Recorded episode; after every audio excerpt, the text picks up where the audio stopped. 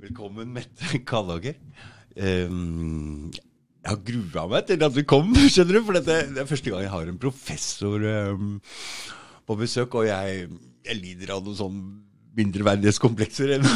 Så jeg, det kan vi snakke litt mer om etterpå. Det skal vi snakke mer om etterpå. Ja, det, det er viktig. Fordi, du veit ikke det, men jeg har en bakgrunn som kriminell og sitte i fengsel og litt sånn. Så for meg, at du kommer hit, det er en stor ære for meg, det må jeg bare få sagt. Så jeg, Og denne podkasten her, at jeg får snakke med så mye fine, smarte folk, det er en reise for meg som er helt utrolig. Men uh, um, Mette, jeg prøvde å forklare i stad for Steven hva du driver med. Og det klarte jeg ikke helt å forklare. Du klarte nesten ikke å forklare det sjøl heller, men det dere driver med, er jo Nei, kan du kan ikke si det sjøl, vet du. og så skal vi komme tilbake til det der med professor og nerv nervøs og sånn. Ja. Um, nei, altså, jeg er jo lege. Mm. Uh, og jeg har jobba som kirurg. Mm. Uh, og det syns jeg var kjempegøy. Uh, ja. Og jeg veldig, likte veldig godt å jobbe i mottak. Men kirurger, det er noe tøffinger, Mette. Ja. Og fordi Altså, jeg tåler jo nesten ikke å se kjempestore sår og sånne ting, så Nei. det der er ja. ja. Det venner man seg til, akkurat det, da. Men det som er veldig fint med kirurgi, det er at du Eller det jeg likte, det var å jobbe i mottak. Og når det var eh, skjedde store trafikkulykker og store ulykker, så syns jeg det var veldig spennende, for da følte jeg at jeg fikk brukt uh, en side av meg som uh, hvor du ikke behøvde ha noe filter, jeg kunne ta avgjørelser. Jeg visste på en måte hva jeg skulle gjøre. fordi når vi står overfor en krise, noe av det som uh, vi er veldig opptatt av, er å øve. Vi øver på forhånd på kriser. Ja. Så vi vet, alle vet hvem som skal gjøre hva. Ja. Uh, og vi har på vester som alle skjønner hvem som er lederen, f.eks. Sånn at det er liksom en orden i det. Da snakker vi store ulykker, hvis det kommer inn sånne ja. Hvis det er flere syke, eller ja, hvis det er store ulykker hvor det er uoversiktlig, hvor folk kommer rett inn uten at man har gjort veldig mye ute, f.eks. Mm. Um, som ligner jo litt på pandemien, ikke sant? Stor krise. Man må øve. Og du, det skal jeg si en ting, for når det skjer sånn, så er det jo bare noen som klarer å holde huet kaldt. Ja. Det er, det er, en spesiell egenskap, ikke sant? Ja, jo. Mm. Og den tror jeg også kan trenes, men det betinger jo at man trener. Mm. Eh, så, så, vi må trene på, på sånne type hendelser. Mm. Eh, men nå sporer vi jo litt av, da. Så jeg mm. kan jo dra oss tilbake til eh, professor og sånn. Mm.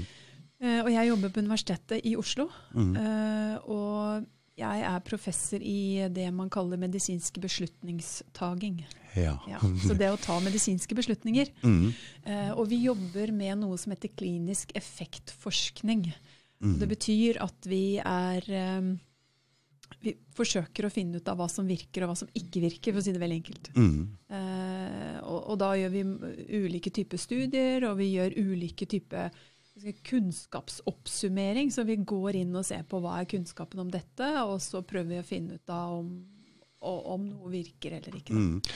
Og eh, Selv om du prøvde å forklare det så godt du kunne i stad, så skjønte jeg det egentlig ikke før du begynte å prate om den mammografiscreening-greiene som som du har vært en del av. For det var noe når jeg googla deg, så kom det opp. Ja. At du hadde vært leder av det Mammografiprogrammet. Mammografiprogrammet, ja. ja. Kan ikke du fortelle hva dere, hvordan, hva dere, fant, hva dere gjorde handler, der? Ja, dette handler om den, den forskningsprosessen som uh, Altså en av de første tingene som jeg gjorde som forsker, mm. det var å prøve å finne ut av uh, hvor stor effekt mammografiscreening har hatt i Norge. Mm. Og da mener vi effekt på, effekten er da å redusere dødelighet av brystkreft. Ja. Ikke sant? Mm. Så det vi gjorde da, var at vi sammenlignet uh, de fylkene i Norge som hadde startet med mammografiprogrammet, uh, med de fylkene som ikke hadde startet med mammografiprogrammet. Så du hadde en slags kontroll, da. Mm. Uh, og det vi fant, var at de fylkene som hadde startet med mammografiprogrammet, altså mammografiscreening, de hadde ikke noe særlig lavere brystkreftdødelighet enn de fylkene som ikke hadde startet med mammografiprogrammet. Det var rart. Veldig rart. Mm. Vi trodde jo ikke på det. Nei. Så vi trodde at vi hadde gjort en feil. Mm. Og når man finner noe som er overraskende, så begynner man å lete. Er det noe i dataene? Er det noe vi har gjort feil? Har vi regna feil? Mm. Så du ber om nye data, du ber om tilleggsdata, du gjør nye analyser og andre typer analyser. Men vi fant det samme hele tida. Ja. Det var ikke noe forskjell. Nei, det var ikke noe særlig forskjell. Det, ja, det. Ja, det er overraskende. Mm, Og mm, poenget, poenget egentlig, og det vi, vi snakka jo litt sammen i stad, Mm. og noe av poenget var jo liksom å vise til at eh, som forsker så betinger det å spørre etter Men hvorfor tok dere tak i akkurat den tingen?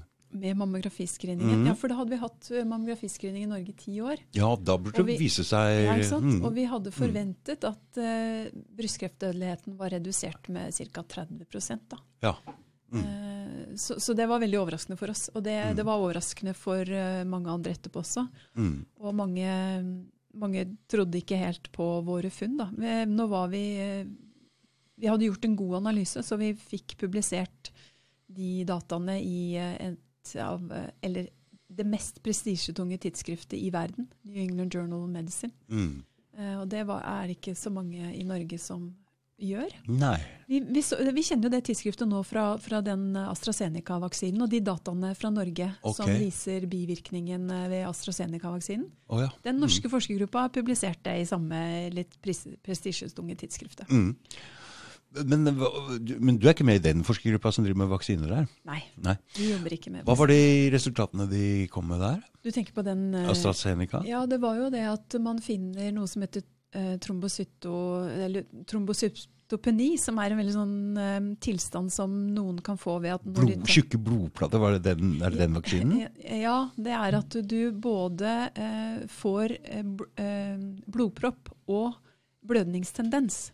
Ja. Det er to liksom, ulike faktorer. Vanligvis så får du blodpropp, men du får Mm. ikke også blødningstendens For det er to samtidig. motsatte ting, egentlig. På en Mm. måte. Ja. Ja. Mm. Og det var det man fant, da, at noen, eh, og særlig noen yngre kvinner, Ja. hadde som, Mm. en, eh, som en bivirkning av den AstraZeneca-vaksinen. Mm. Ja. Er, den, er det den som er lagt på is her i Norge nå? Riktig. Mm. riktig, ja. Ja. Men vet du, du er jo altså jeg, Når jeg så den debatten, hvor tøft det var der, da tenkte jeg «Å, så Jeg ble så glad når jeg så det. Hvilken var det? Hvilken debatt var det? Der du sa om han Nakstad, når du sa 'få tallene dine, Nakstad', nei, da, da ble jeg glad. Altså. For meg. Fordi det er litt vanskelig å snakke med disse mm, De folka der, de bruker teknikker på å vri seg unna, og det er ikke noe vanlig for dere å snakke på den måten. Nei, altså som, altså som det vi som forskere, det vi, og, og som når du snakker med pasienter også, så går man jo rett på. Og man Mm. får svar, og man har en samtale sånn som du og jeg har nå. Ja. Og man prøver å være ærlig og åpen og transparent. Ja. Eh, og det er jo politikerne de, de er jo gode på å holde lenge. ikke sant? De snakker lenge. Mm. De gjentar, samme, gjentar budskapet med veldig sånn ulikt innhold hver eneste gang. Så det kan være vanskelig å liksom få Hvis jeg kommer med et argument, så kommer du med et argument, og så diskuterer vi videre. Det kan være vanskelig med politikere. Mm, Men det, det syns jeg har sett alltid når de politikerne For de kommer jo inn med partiprogrammet sitt, de. Ja. Og de kan jo ikke forandre mening heller. Nei. Så de er jo på en måte låst til det de skal så det, det, Når vi ser en sånn debatt mellom to politikere, så er, kommer jo aldri noe ut av det. Altså, det er jo helt håpløst. Og det syns jeg egentlig gjennomsyrer For det, det er jo det vi ser av diskusjoner. Og da tror vi at det er sånn vi skal diskutere, vi òg. Om å ikke skifte mening. Det er jo helt, Jeg syns det er det motsatte av det en egentlig samtale og en diskusjon burde være. Jeg er helt enig. Ja, det er helt enig, ikke Ja, sant? og en Men- forskers privilegium det er at de kan skifte mening. Ja. Det må, altså, Du hvis ikke så er det ikke vits i å Nei. snakke sammen i det Nei. hele tatt. Ja, det, er helt, det, er veldig, veldig, det er akkurat det, det er veldig viktig det du sier der, med at vi kopierer dem. Mm. Og, så, og da kommer du heller ikke, du blir jo verken kjent med deg sjøl eller andre, eller du, får ikke, du skjønner ikke engang, du kan ikke utvikle meningene dine, ikke sant? Mm. Du, Men, men du, var noe, dialogen. eh, når jeg gikk på gymnaset, så leste jeg noe av Ludvig Holberg, og da kom det um, det ordet disputt. Ja. At det var et eget fag på, på, på universitetet på den gangen. Og da var det sånn at du, du fikk utlevert hvert ditt argument, og så kunne den ene vinne. Og så jeg tenkte vinne? Men det er jo aldri noen som klarer å vinne en diskusjon. Det er jo, det er jo, for det, det er jo nettopp på det, vi, vi har ikke noe tradisjon for det.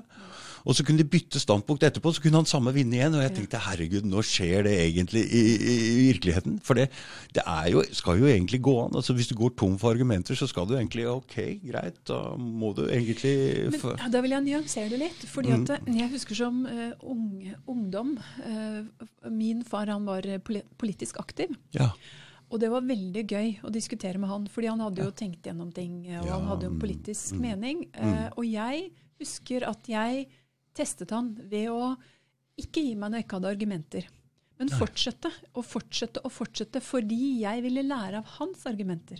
Riktig. Sånn at det er litt eh, det, er tren, det er god trening i det å, å kunne fortsette en dialog eller en diskusjon selv om du ikke har så mange gode argumenter. Mm. Og det er klart det er ikke så morsomt hvis det er noen som er på en måte jevnbyrdig med deg. Nei. Men hvis det er uh, unge mennesker eller hvis det er noen som ikke er det, så er det veldig viktig i læringsøyemed. I læringsøyemed er det Ja. det. Mm, det det utvikler også argumentasjonen Mm. mm. seinere, da. Mm, mm, mm. Så, så jeg tenker at det er, eh, det er kanskje ikke så dumt å ha de der eh, øvelsene. Altså når jeg eh, Nærmest jeg har kommet en disputt, det er jo en disputas. Er det når du tar doktorgraden i en ting? Er det Der kommer det ordet ja. fram. Da må du Ja. forsvare det du har, den avhandlingen, for det, du har vært borti det, ikke sant? Ja, ja, ja. Da står du foran et panel, ikke sant? det For det jeg har googla på det der, og der, og da, da kom det opp hm, Så det kommer. Og da kan du ikke ta deg nær og det å bli sur og sånn. Du må Nei. ikke ta Ikke sant? Nei, og du må svare for deg, ikke sant? Mm, for du blir mm. på en måte vurdert eh, i forhold til hvor, hvor, hvor godt du kan svare for deg. Da. For da, det, å ta doktorgraden i en ting, da må du komme med en ny, eh, ny ting som du skal forsvare. Som du kommer med en ny, Ja. helt ny teori om noe, eller er det ikke sånn? eller Mm. forskning, da. For Resultater. Ja, av mm, mm, forskningen din som du mm, legger fra. ja. Så det har du stått du foran et sånt der Nei, jeg har vært disputert. Jeg har til og med, og jeg har vært disputasleder. Å ja, så du har også vært på andre ja, siden Ja, på andre siden. Mm. Er det moro, det?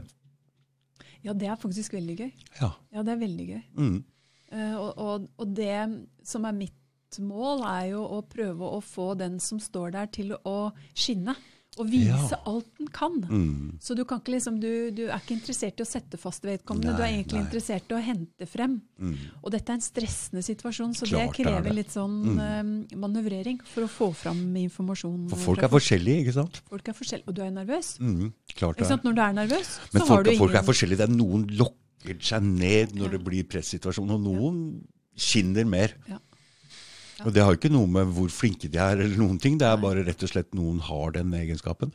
Og det er vel noe av den egenskapen jeg tror du har, siden du klarer å fungere så bra som, ja, som leder en operativ eh, Når det kommer inn masse eh, som kirurg, da. Ja. Da må du holde huet kaldt, og Ja. du må kunne gi ordre. Og det er er det 10% av befolkningen som har den egenskapen? Maks kanskje bare 5 Altså jeg, eh, for noen tåler ikke frykt og stress av situasjoner i det hele Og hele noen tatt. greier ikke å ta avgjørelser. Nei. Nei. Så du må ta avgjørelser. Du må ta avgjørelser på noen ganger litt sånn svakt grunnlag. Mm. Og du likte det? Jeg likte det, elsker det. Jeg elska det. Ja. Fordi du passer i det, fordi det er som sånn du er, så ikke sant? Jeg syns det er så gøy.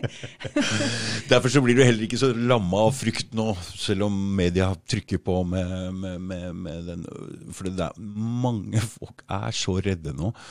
Og jeg lurer på, går dette noen gang over? Fordi når jeg ser hvor Jeg går jo ikke med maske, jeg. Og jeg ser folk er veldig redde. Ikke, ikke alle, men noen folk er veldig, veldig redde. De, de vil ikke gå nær meg i det hele tatt. Jeg syns det er eh, jeg synes, Hvor lenge skal vi ha det sånn? Det er eh, jeg, jeg er redd for at dette kommer til å sitte i lenge, lenge. Og så tenker jeg på er det altså barn som vokser opp som de, med den frykten fra foreldrene og blir implementert, eller for å bruke et fremmedord. ja, dette her fra sånn Jeg lurer på hva er konsekvensen av dette her? Eh, Det skal bli Ja, det her er Ja, altså jeg deler langt på vei eh, dine bekymringer, eh, og særlig Særlig med dette med frykt, at vi har så lenge spilt altså, Og myndighetene har jo på en måte spilt på frykt, syns ja, jeg. ja, de har det. Bevisst også. Ja, eh, Mm. informasjonen har vært uh, veldig tabloid i den forstand at vi har liksom ikke vi har alltid på en måte sett til det landet for eksempel, hvor det er verst, hvor situasjonen, smittesituasjonen er Altid. verst. ikke sant? Mm, mm. Belgia, Ja. Nord-Irland Pekt på de verste hele tiden. Ja, og, og, og, sånn at, og den Du vet at um, frykt er på en måte en god ting, da. Hvis, hvis det er en krise og det får deg til å handle rasjonelt. Mm, mm. Men veldig ofte hvis du trykker for på, eh, på for mye emosjoner, så handler ikke alltid folk rasjonelt. Eh, og det vil du gjerne at folk skal gjøre. Så hvis, du, mm. hvis det er da kommer et virus som er så alvorlig at her er det bare å holde seg hjemme, Mm. eh, og holde lang avstand, så er det jo en fordel for befolkningen å, å gjøre det. Klart det. Men da kan du ikke spille på frykten. Da må du, da må du spille på folks eh, rasjonale, da, tror jeg. Mm. Og så er det, det, det er ikke så enkelt, selvfølgelig, for det er jo noen som ikke svarer eh, på eh, rasjonale. Nei. Så Noen trenger kanskje den frykten, så jeg, kanskje, kanskje jeg gjør det litt enkelt Mm. eh, nå. Men jeg tenker uansett at eh, det å pirke borti frykten gjør at folk gjør veldig mange andre irrasjonelle ting også.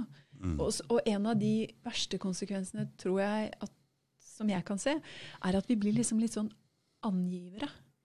At vi blir sånn angiversamfunn. Nå skal jeg si en liten hemmelighet her, at uh, jeg er jo veldig sånn motsatt av alle andre. Så når det var hytteforbud i fjor, så tenkte jeg nei, nå er det på tide å ta en tur på hytta. og jeg må si det at når jeg tok og bar ut dyner og sånn, da var jeg litt sånn eh, Da tenkte jeg naboene her nå.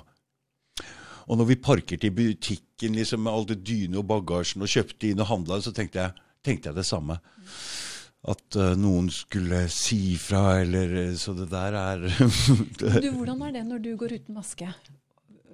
Sier folk noe til deg? Nei, men ikke sant. Jeg, jeg veit jo om flere andre som går uten maske, og de er litt mindre, og de er damer og sånn. Ja. Og da sier folk Da, da blir de angrepet. Men når det gjelder meg, så er det jeg, og, For jeg er sånn som ser alle folk i øya, men de ser bare ned på når de ser meg. Så jeg vet ikke hva det er, men For jeg er jo stor og litt sånn jeg, Eller stor, jeg vet ikke, men Ja. ikke, det, er, det er ikke så lett å kjefte Men på jeg kan fortelle da. en liten historie om det med, med maske og gå inn i en, i en kafé. Mm -hmm. For det var på, på Carl Berner her for en uke siden eller noe sånt nå. Mm. Så var jeg inne og skulle kjøpe meg en kaffe Mm. eh, sammen med eldste datteren. Og vi, hadde, vi bruker masker. Eh, Mm. Jeg tenker at eh, av respekt for andre, så tenker jeg at det, det skal jeg gjøre. Mm. Så vi hadde maske begge to, og gikk inn og skulle kjøpe en kaffe. Og så var eh, mannen min eh, med, men han sto ute fordi han hadde ikke maske. Og så var det liksom noe med at det skulle være bare to stykker inne i denne kafeen. Mm. Og det var jo en kald, kald, kald dag, så han hadde vært ute og trent, hadde vært ute og jogga, så han var, eh, sto utenfor. Mm. Og så eh, kommer han, stikker han hodet inn, eh, og så sier han til meg, kan ikke jeg få nøklene dine? Mhm. Eh, for han ville inn i bilen. Og, så, eh, og da kommer han uten maske, for han hadde jo ikke maske på seg. Og, han bare liksom, og vi er jo i samme kort, vi bor i samme hus, mannen min og jeg og min Mm, vår ja, ja, ja, ja. mhm. Og så sier hun bak disken Sa du kohort? eh, Sa jeg det? For det er det de har begynt å si, da. ja, kom igjen. Vi bor, vi bor i samme hus, og vi er samme familie. Ja. la oss holde på å være familie og ikke kohort. Nei, du, uff. Poenget var da at denne eh, dama eh, bak disken, hun sier Ja, her er det ikke lov å være mer enn to. Og så sa jeg, og så sa jeg så beklager, eh, beklager, han skulle bare ha nøklene. Ja, og Dessuten så skulle han hatt maske på. Og så sa jeg nå bor vi i samme husstand, Mm. så, så, så det går nok bra. Mm. Eh, og så sier hun ja, jeg følger bare reglene. Og så greide ikke jeg, og noen ganger så greier jeg å være rolig og tenke at liksom, ikke si noe nå, bare se ned i bakken eller begynne å snakke om noe annet. Ja. Og så greide jeg ikke å tie stille, så jeg sa til henne at eh, men noen ganger så kan man bruke sunn fornuft. ja. Mm. Hvorpå min datter ble veldig sint på meg, På deg, ja. selvfølgelig. Fordi at hvor, hvor gammel er hun? 19. Oh ja, mm, Ja, Oh ja. Så hun syntes det var så pinlig at jeg hadde den uh, oppfølgeren. Men for meg så var dette et Dette var noe av det samme. Det var ikke direkte angiveri, men det ga en følelse av meg at jeg gjorde noe som kunne skade noen, eller at hun skulle på en måte eh, detaljfokusere, detaljkontrollere meg, Mm, på en måte. Mm, mm, Det var en total mangel på raushet. mm. Og grunnen til at jeg går ut og kjøper meg en kaffe, det er litt fordi jeg syns det er godt å drikke kaffe. Og så er det litt litt fordi det er fordi, hyggelig fordi det er hyggelig. Og så Mm. tenker jeg Men altså, de som eier den kaffesjappa, de skal jo også overleve. Mm. Så jeg, jeg, jeg føler på en måte at Og så tenker jeg liksom OK, vi er et samfunn, la oss være liksom, ha litt høyt under taket. Og jeg følte at det var veldig lavt under taket, så jeg reagerte nok mer på det. Mm. Og det er det jeg ikke liker nå. Mm. At du får så mange sånne kont kontrollerende ting overalt. Overalt. Overalt er det store plakater ikke sant? hvor det står liksom ha på maske, ikke mer enn så og så mange. Og du får kjeft hvis du går inn feil dør. Altså, jeg tenker, hvordan skal man eh, Og jeg briller og maske og, og hår til alle kanter, og så skal du i tillegg vite hvilken dør du skal ut og inn i, og kanskje du snakker i telefon samtidig. Hva vet jeg. Mm. Det er liksom så lite raust. Det er så lite hyggelig. Mm. Og det er jeg innmari redd for. Ja. Fordi da blir plutselig også den som står og selger meg kaffe, en slags politi. Mm. En vekter som skal passe på at du gjør alt riktig. Det, det er jo Ja, det er sant. Og, men det må være Jeg vet ikke hva de tenker om det sjøl når de jobber i en sånn situasjon. Men om de finner det ubehagelig, eller om de For de, de er de føler seg ganske Veldig.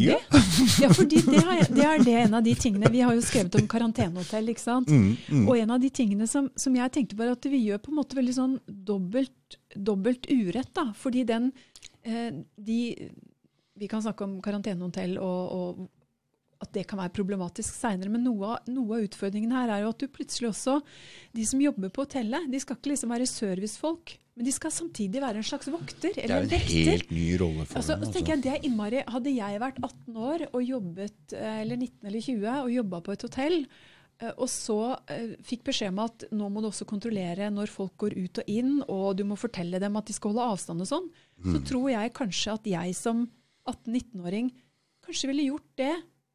Men så hadde jeg kanskje fått en bismak som jeg ikke hadde forstått helt. Hva er det? Mm. Så hvilken oppgave, og hva er det vi gjør med de menneskene som da skal ha denne dobbeltfunksjonen, da? Eh, som jeg liksom, altså, tenker mye på. tenker Hva er det vi gjør med folk? Og da er jeg tilbake til hva slags type samfunn vil vi ha seinere. Ja, det, er, det er veldig spesielt. For jeg vet ikke hva slags opplæring alle disse vaktene får, men de er ganske sånn De føler de er veldig berettiga der. Og jeg, eh, jeg mener jo de har helt feil. jeg, jeg, altså jeg, fordi jeg er jo Jeg kan jo mene hva jeg vil. Jeg har jo ikke noe jobb som Jeg har ingen Så jeg mener jo Jeg mener jo at uh, at dette her er så overdrevet som det kan få blitt. Jeg vet at også, I mars i fjor, når um, dette begynte, så kom jeg til å jobbe for en fyr som satt i karantene. Og, og da, da spurte jeg han hvorfor. Han sa at det var en på skolen som var smitta. Når han sa da at han ikke var syk i det hele tatt, så tenkte jeg hva er det her for noe? Og så begynte jeg å grave mer. Og jeg begynte å skrive litt på Facebook. og og det var så aggressivt, og jeg ble så høgd i huet av folk. var så sinte. Men jeg tenker, jeg, jeg prøver bare å skrive at dette er kanskje ikke så farlig. Jeg tenkte det burde jo være en, en bra ting, da. Ja. Men det var det ikke. Jeg har aldri opplevd maken, så jeg bare trakk meg litt sånn halvveis tilbake der og tenkte Fordi jeg skriver så sakte, også, så, det, det, det var ikke for meg det der å gå inn i den greia. Men, så jeg trakk meg litt tilbake, men seinere så har jeg kasta meg litt på det igjen og prøvd å, å argumentere litt. Men nå har det jo blitt men, men ting er i ferd med å snu. Fordi eh, Mette, når, når um, Solvang stilte det spørsmålet til Høie angående um, Hæ? Var det masker? Var det masker, da? Var det masker? Så fikk han jo bare streng beskjed av Høie om at det spørsmålet kan du ikke stille Solvang. Så jeg vet ikke hva det var, men det var, det var så absurd, hele greia.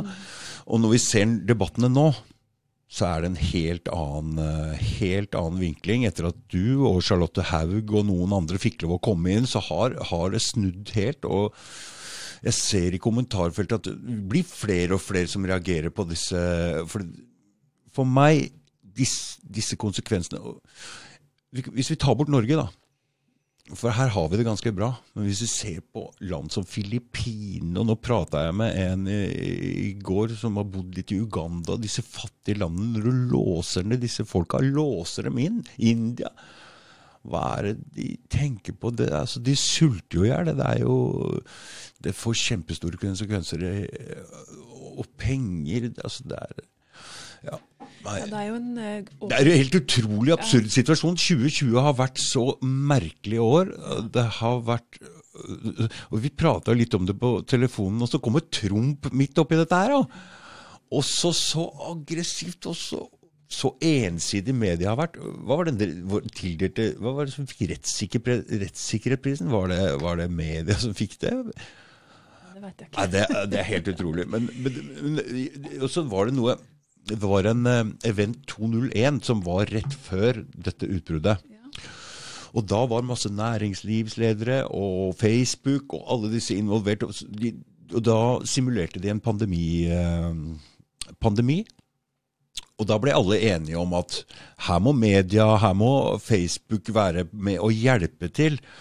Så jeg føler at det er en del av det som har foregått nå, for det har vært utrolig mye sensurering. Uh, alt som har prata for Trump også, men for, for, for, um, for uh, Vært mot vaksine, f.eks. Vært og sagt noe om korona, så har Facebook vært der og, og, og, sensurert med en gang. Og jeg skjønner jo kanskje at det er pga. de vil uh, hjelpe til og dysse ned alle, så alle skal liksom gjøre det de skal. Men det er ikke det som skjer. ikke sant? Når ting blir sensurert, så hopper en hel haug med folk helt motsatte vei. Hva er dette? Hvorfor vil dere ikke snakke om det? Og altså Nå sitter jo folk og tror at disse vaksinene er lagd rett og slett for å halvere befolkningen på jorda. Skjønner du? Det blir sånne, sånne, sånne Så lenge det blir sensurering, og vi ikke kan snakke åpent om det, så blir det helt ville, eh, ville teorier. Det er jo interessant, for du, du, det du snakker om er jo liksom hva, hva gjør sensuren med konspirasjonsteoretikerne i ja. alle leire, for ja. å si det sånn. Mm, mm. Hadde, I alle leire, ja. ja. Ikke sant? Ja, for det er, det er, det er noe med det. At det, det. det, går til begge kanter, eller alle kanter. Det gjør det. Men um, vi, vi, hadde Jeg har jo vært uh, engasjert uh, i, uh, i, portforbud og vært veldig, veldig, veldig skeptisk til portforbud og Skjønner. forslaget. Mm -hmm. Og i den debatten om portforbud så var det en, noen som debatterte i og for seg for at man skulle kunne bruke portforbud som et smittevernstilbud. Um, og, eller ikke tilbud, smittevernstiltak. Mm. Uh, og um, vedkommende sa da at uh, vi måtte ikke debattere dette fordi det kunne føre til konspirasjonsteorier. Mm. Og jeg mener jo at det premisset er grunnleggende feil. det er helt motsatt. Det er det jeg tenker òg. Vi, vi, er nødt for å være åpne, og vi er nødt vi. for å fortelle hvordan vi tenker. Mm. Og når vi gjør det, da kan vi også andre etterprøve det og gå i en dialog. Mm. For det er jo helt umulig, eh, sånn som jeg har opplevd eh, denne pandemien og myndighetenes håndtering av den. Og noe av det eh, kanskje mest problematiske er jo at vi enda ikke har helt fått svar på hvordan de tenker. Mm. De tenker på smittetall. Ja. Det skjønner vi. Alle, mm. og vi ser det i alle avisene. Vi smitte, smitte, smitte, hele tiden. Smitte. Mm. Eh, og så forstår vi ikke da hva er effekten av tiltakene. Altså hvor mange hvor mye lidelse er det vi sparer ved å f.eks. ikke ha barna på skole? Og så må vi også tenke på hvor mye bivirkninger er det, altså hvor mye skade er det. Mm. Og den avveiningen der mellom fordeler og ulemper da, mm. av sånne smitteverntiltak Det er disse tallene du etterlyste, ikke sant? Det er de tallene jeg vil veldig gjerne ha. Mm. Eh, og de fins ikke. Nei, de fins ikke. Det er no. derfor de ikke vil levere. For de har ikke hatt tid til å forske på dette her. Det er jo Men, en kjempestor studie for å finne ut alle konsekvenser, ja, eller? Jeg, jeg, eller er det ikke? Nei, altså jeg tenker at det vi, det vi må kreve i et demokrati, det er at de de forteller oss hvordan de tenker med fordeler og ulemper. Og de må mm. vurdere begge deler. Mm. Og de må sette de, disse tallene sammen. Og jeg skal gi et eksempel som, som er enklere For dette er ditt fagfelt, ikke sant? Ja, dette er mitt fagfelt. Dette er midt i kjernen av det vi holder på med. Og dette er midt i kjernen av all, all medisin og hvordan vi tenker i medisin. Ja. Dette handler om prioriteringer. For å kunne prioritere, så må du vite hva som er fordelen og ulempen av ulike behandlinger Klart. ja. eller tiltak. Smitteverntiltak. Mm. Um, sånn at vi krever ikke alltid at du skal liksom ha en sånn perfekt eh, studie som eh, er eh, gjort med mange millioner mennesker.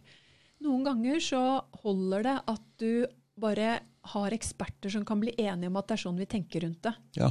Ikke sant? Så det er ikke noe verre å beskrive ulempen av f.eks. stengte skoler enn at, en, at eksperter f.eks. setter seg ned Og, og, tenker noe igjennom alt ja, sammen. sier noe om, og prøver å Mm, vekte mm. det på en eller annen slags måte. Ja, ja, ja, ja, ja. Opp mot f.eks.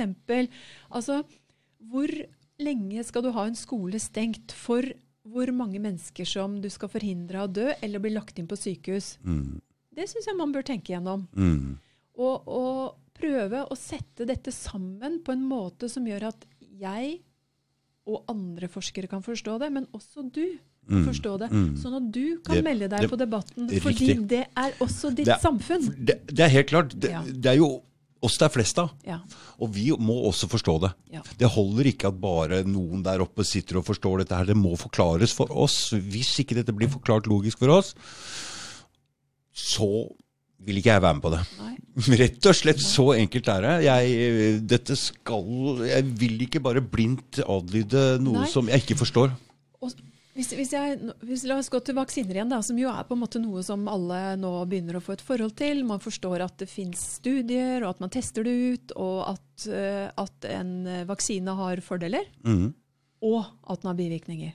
Det tror jeg alle har fått med seg nå. Mm. At det er sånn vi tenker i medisinen. Hvis jeg fortalte deg, hvis du og jeg skulle ha en samtale, da, Mm. eh, og du, du lurte Du kommer til meg, og så eh, har vi en samtale om vaksiner. Hva vil du vite da? Jeg vil jo vite om det er farlig, da. Ja. Jeg vil jo vite om det er farlig. Og så er det jo flere forskjellige vaksiner. Og hva er RNA? Hva er den nye greiene der? Og det er ikke alle og så, jeg, jeg går helt surr i det der med vaksiner, for det er så mye Så jeg bare Jeg tenker jeg er skeptisk. Ja, la, Jeg er skeptisk til det. La, la meg strukturere det for deg. Ja, gjør det. For ikke sant? Du, du vil vite ok, det er mange vaksiner, Mm. så da må vi snakke litt om alle vaksinene. Det er tre forskjellige her i Norge, eller? Ja, ja, det er det. Mm. Og det er flere. Men det er i og for seg kanskje ikke så viktig akkurat først, ikke sant? annet enn at vi vet at det er mange. Mm. Eh, og så Det første du sa, det var jeg vil vite om det er farlig. Mm. Og hva, hva betyr det? Jo, det betyr at du vil vite om bivirkningene. Mm. Mm. Mm. Altså, Det samme vil vi jo vite om smitteverntiltakene. Så la oss ha en sånn parallell liksom, diskusjon om vaksine og smitteverntiltak. Ja. For det vi vil vite Ok, vi vil vite er det farlig. Ok, Da må vi, da må vi få undersøkelser på som viser av bivirkning hvor farlig er det å stenge skolen f.eks. Akkurat som med vaksinen. Mm. Og så er det ulike tiltak, og det er ulike vaksiner. Mm. Så det vil du vite. Og, men du vil vel også vite om det virker? Ja, Eller er ikke det så interessant for deg? jo, men nå er jo jeg, jeg, jeg, jeg, Jo, men jeg er jo veldig skeptisk til hele koronagreiene. Altså. Men det er klart at hvis Jeg skjønner jo det. Det er jo en hovedgrunn. Virker det eller ikke? Ja, Og der er det også mye rart. ja. Her får vi vite at eh, nei, du kan bli smitta likevel. Og du, du får ikke noe mer frihet. Du kan ikke eh, Hva er det som Men da foregår kan jeg her hjelpe nå? deg litt ja, gjør det. Ikke sant? Fordi at eh, Ja. du kan bli smitta likevel. ja. Det handler om virkningen. Mm. La oss si da at eh, vi har eh, 100 stykker som får vaksine, Mm. eh, og den virker. Den er nett 90 virksom. Ja, ok. Og 90% betyr at 90 av 100 virker den på. mm. Men de 10 andre de ti av 100 virker den jo ikke på. Da er det jo klart at du kan bli smitta selv om du har tatt vaksine. Ja, 10 Fordi ja. den er Mm. ikke 100 Nei. Ikke sant? Så det vil du også vite. ikke sant? Mm. Så når jeg sier til deg at ja, det må vi regne med at selv om man tar vaksine, så vil det være noen som blir syke, og noen som dør, fordi den er ikke 100% effektiv. Mm. Og så vil du vite hva den er effektiv for. Jo, Mm. den er effektiv for å hindre alvorlig sykdom og død. Og vi ser også at de vaksinene som vi har på markedet, de reduserer smitten mellom folk. Ja. Så det er sånn den virker. Mm. Og så vil man jo gjerne vite hvor mye. ikke sant? Så hvor mye er det? Mm. Ok, Så det er om vaksinen. Men så vil du jo vite ok, men hvor farlig er den sykdommen for meg, da? For det er vel derfor du kanskje er skeptisk, fordi du er litt usikker på om det er verdt det. Om det er verdt det, ja. La oss si at dette var en sykdom som du, hvis du fikk, hadde 100% risiko for å dø av. Da hadde jeg tatt vaksine, tror jeg. Men, men, men, men, men, men, men denne her nå, Med alle de smittetallene så synker jo dødeligheten noe alvorlig her. For da, den smitter smittetester og Hva er dødeligheten nede på nå?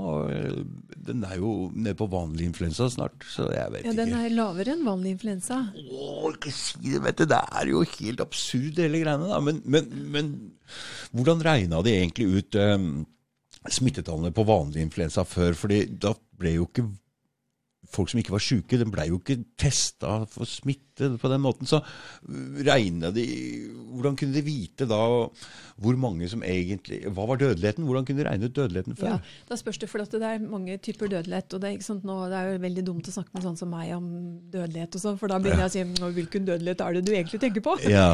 Eh, sånn at hvis, La oss snakke litt om dødelighet. Da. Det, er, det er dødelighet hvis du har fått en sykdom, og så dør av den. Det kaller, det kaller vi case fatality, f.eks. Av de som får, som får sykdommen, hvor mange av dem som dør. Og så har vi dødeligheten i befolkningen. Hvor mange er det i befolkningen som dør av covid? covid? Og så er det hvor mange er det som dør nå sammenlignet med andre år. Av Det alle er, jeg syns det er det viktigste tallet av alle tall. Da. Det syns jeg også er et viktig tall. Mm, for det nå nå, altså nå har du- fortalte du litt om PCR-testen i stad og til Ja. meg. Det syns jeg kanskje du skal ta en liten greie på etterpå også. Ja. Men, men det er jo mange av oss som ikke stoler helt på den PCR-testen. På hvilken måte da? Fordi eh, syk, at syklusen er for høy. At smittetallene kanskje viser Fordi han Carrie Mullins, skjønner du, han som fant opp denne her, han sa at eh, hvis du ganger opp dette nok ganger, så virker det som du, alt fins inni alt. Ja. Og at uh, han snart begynte å bli, se på ting på en slags buddhistisk måte. At Ja. hvis du tar nok sykluser, så kan du få mm, altså, utslag på alt mulig.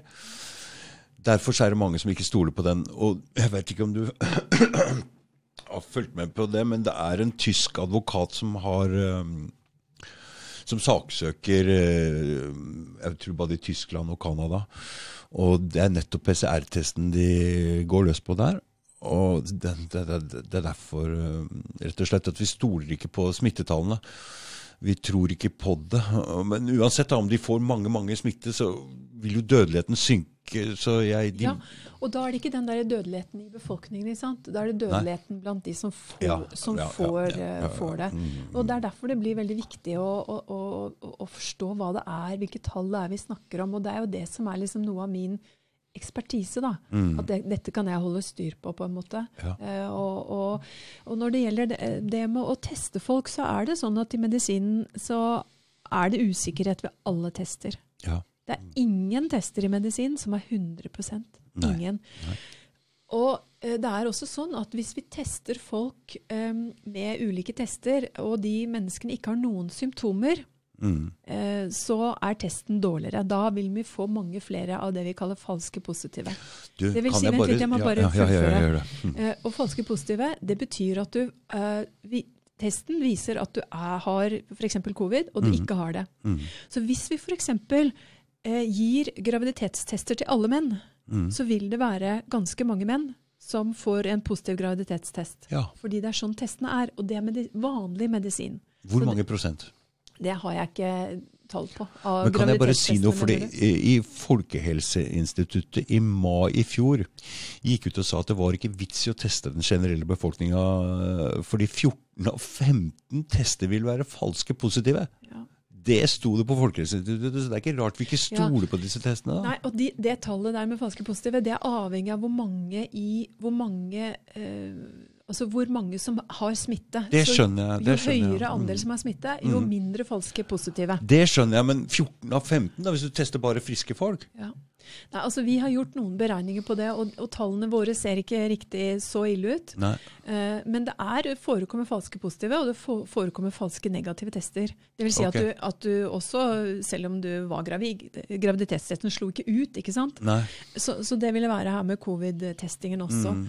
Og når det, så når det gjelder det å, å teste folk uten symptomer, så er det noe i medisinen vi pleier å holde oss litt borte fra. Deg borte fra det. Mm. Ja, fordi det vanligvis ikke er en god strategi. Men er det ikke bare å ta en sånn liten ripegreie og se hvor, om du har sånne Hva er det heter sånn For å se om du har noen sånne bakterier i kroppen, det derre tallet du får, etter. Ja, Når du er sjuk? eh, eh, CRP. CRP? Ja, ja. Nei, nei, fordi dette er et virus.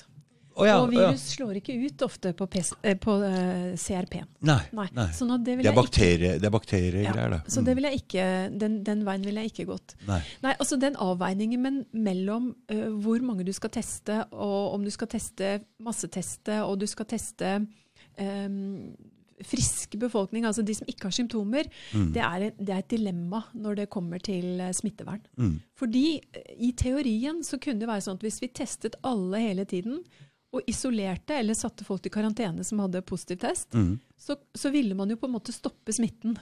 Ja. Ikke sant? For da Mm. fikk du ut de som var smittet. Så i teorien er jo det en veldig sånn besnærende tanke. ja. Men i praksis, fordi testene ikke er 100% sikre, så er det ikke sikkert at det er en så veldig god eh, idé allikevel. ikke Ja, nei, men- så den balansen der er søren meg ikke lett, altså. Men vil du si at eh, siden det blir en del falske positive, er det like antall falske negative? Altså, Det er en undersøkelse fra Danmark som har sett på en sånn hurtigtest. Ja. Som er en annen type test enn den PCR-en som, eh, som vi har brukt i Norge. Mm. Og hurtigtestene det er en sånn antigentest. Og da fant man at eh, 50% av alle testene var falske positive, Mm. og 50% var falske negative. Okay. Så det er nesten sånn chip a coin, eh, ikke sant? Eh, ok. ja.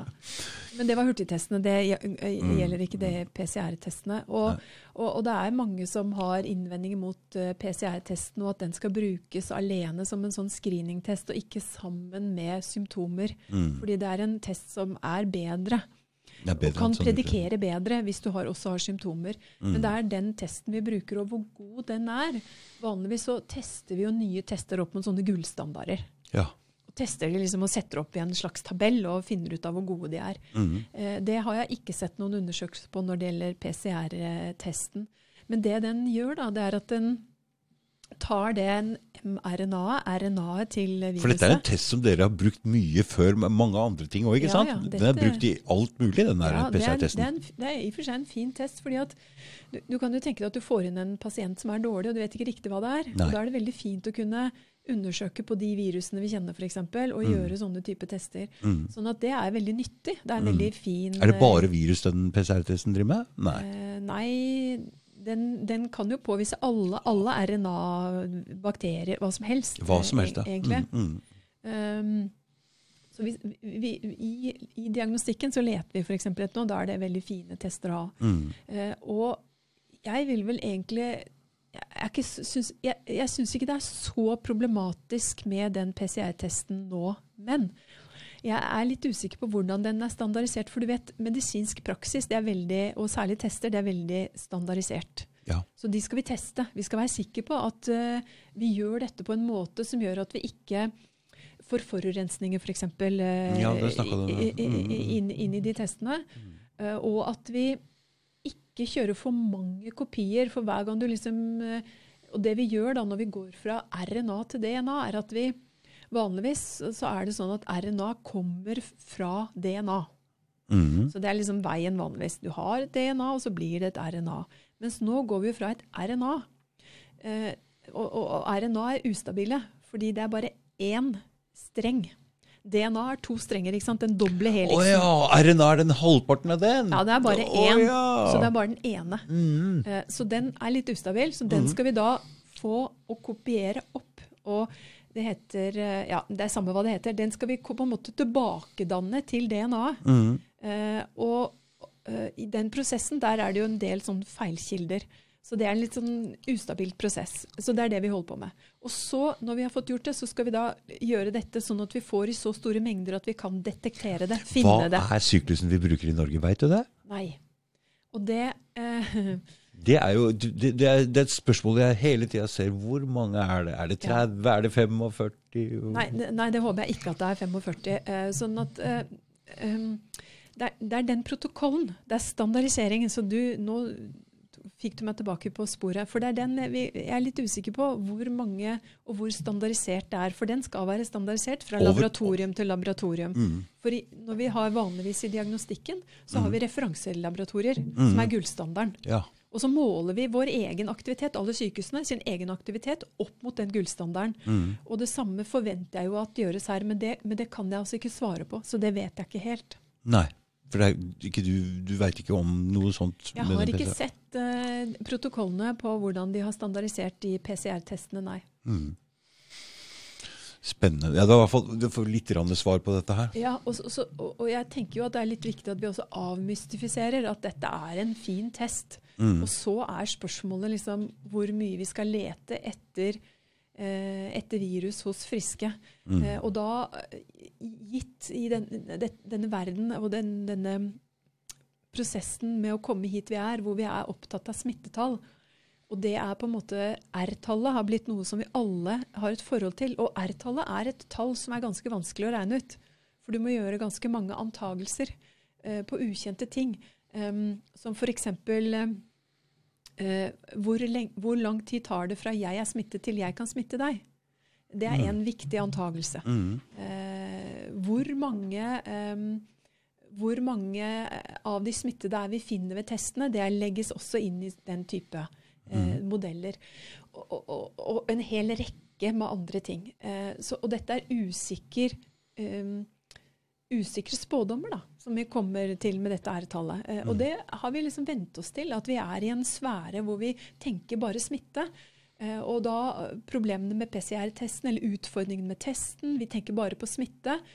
Eh, og vi, vi har liksom litt glemt at uh, det vi er opptatt av vanligvis, det er om folk er syke eller ikke. Mm. Sånn at det vi er interessert i, er da ok, hvor mange av de som har positiv test, er det som er syke? Og hvor mange av de syke er det som blir lagt inn på sykehus? Og hvor mange av de som er lagt inn på sykehus, kommer på respirator, og mange som er på respirator, er det som dør, f.eks.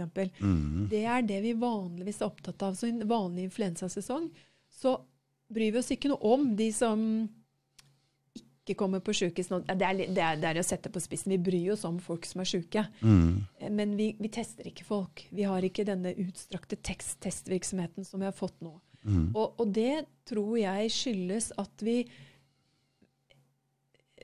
i Norge delvis eh, skjelte eh, til eh, den katastrofale hendelsene i Nord-Italia. Mm. Hvor vi så veldig mange mennesker døde. Mm. Det var kaos på sykehusene, og det var bilder som ga meg skrekken, selv om jeg er vant med å være på sykehus. Det er ikke sånn jeg har sett så mange eh, I de årene jeg har jobbet på sykehus, så har det ikke vært så kaotisk som det så ut til å være der.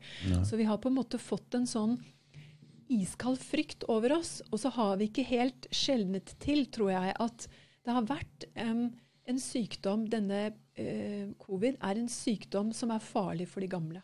Mm. Ikke farlig for unge.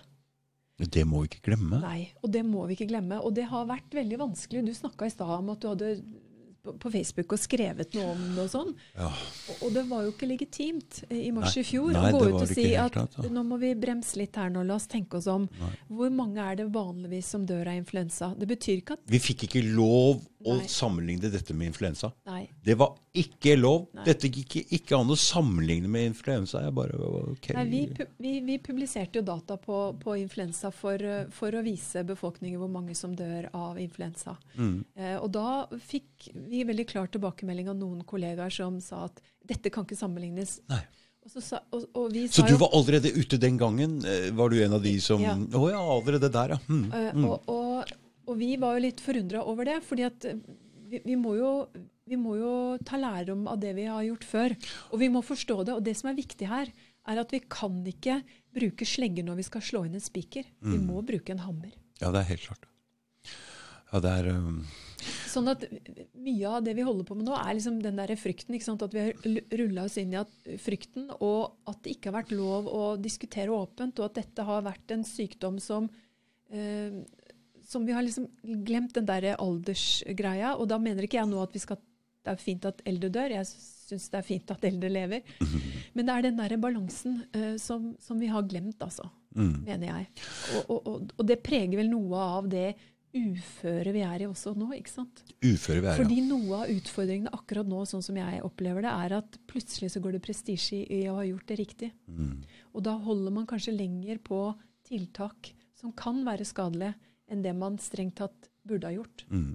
Det er jo en annen ting her også. for det, I mars i fjor så tenkte jeg hva er det de driver med, hva er det de skal for noe? Nei, det var bare for at ikke sykehusene skulle bli over. Vi skulle bare bremse det ned litt grann, og dra det utover Langen. Men det er jo, nå er det jo å gå ut på slå ned og bli kvitt all mulig smitte. Altså det er jo så, En annen ting er jo den kapasiteten de har på sykehusene til å legge inn folk på intensiven, den er jo ikke gjort noen ting med. Hva er det de tenker på? Det hadde vært mye billigere å prøve å gjort noe med det. Har de hatt et år på seg. Hva, hva, hva?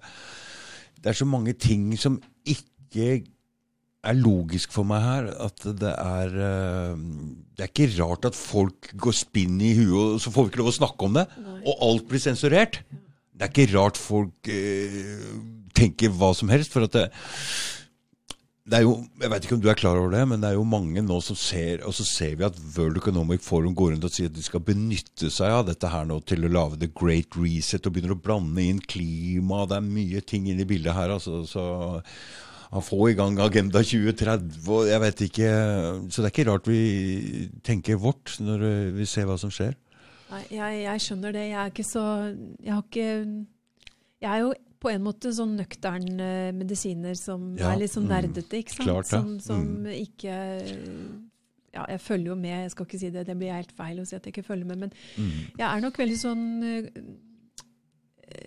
Hva skal vi si logisk i hodet. Uh, også til, til noe av det jeg opplever som konspirasjonsteorier. Men det, i bunn og grunn så er vi jo nødt for å snakke om det. Vi må snakke om det. Vi må snakke om det. Og, og vi må prøve å få fakta inn, må vi ikke det? Altså Det er det jeg er opptatt av. Vi må, liksom, vi må, prøve å forstå, vi må prøve å få kunnskap, og vi må prøve å være faktaorienterte. Mm. Det betyr ikke at vi ikke skal ta hensyn til folk og folks følelser og folks mm. lyst, f.eks. Mm. Tilbake til denne vaksinen, da. Mm. Så tenker jeg at det viktigste vi gjør nå med vaksinen, det er at vi opprettholder at det er frivillig. Mm. Det må være frivillig. Det må være frivillig. Og hvis ikke vi gjør det frivillig, så skaper vi flere eh, vaksinemotstandere. Det er helt sikkert. Eh, så jeg tenker at det er liksom Og det å snakke sammen, og det å lufte ting, og det å eh, ta det opp det er uh, alfa og omega. Derfor er det veldig bra at du kom hit nå, fordi jeg er jo på en måte litt sånn konspirasjonsteoretisk anlagt. Og det er faktisk mange av de som ser på denne podkasten, og det ser jeg For det virker som de podkastene som går mest, det er liksom de som, de som er litt i den gaten, da. Ja. Derfor er det veldig bra at du kommer inn her og prater om det her, så vi får satt litt eh, et nøkternt lys på det. Ja. Så får vi se det, hva, det, hva det medfører. Men det er kjempebra.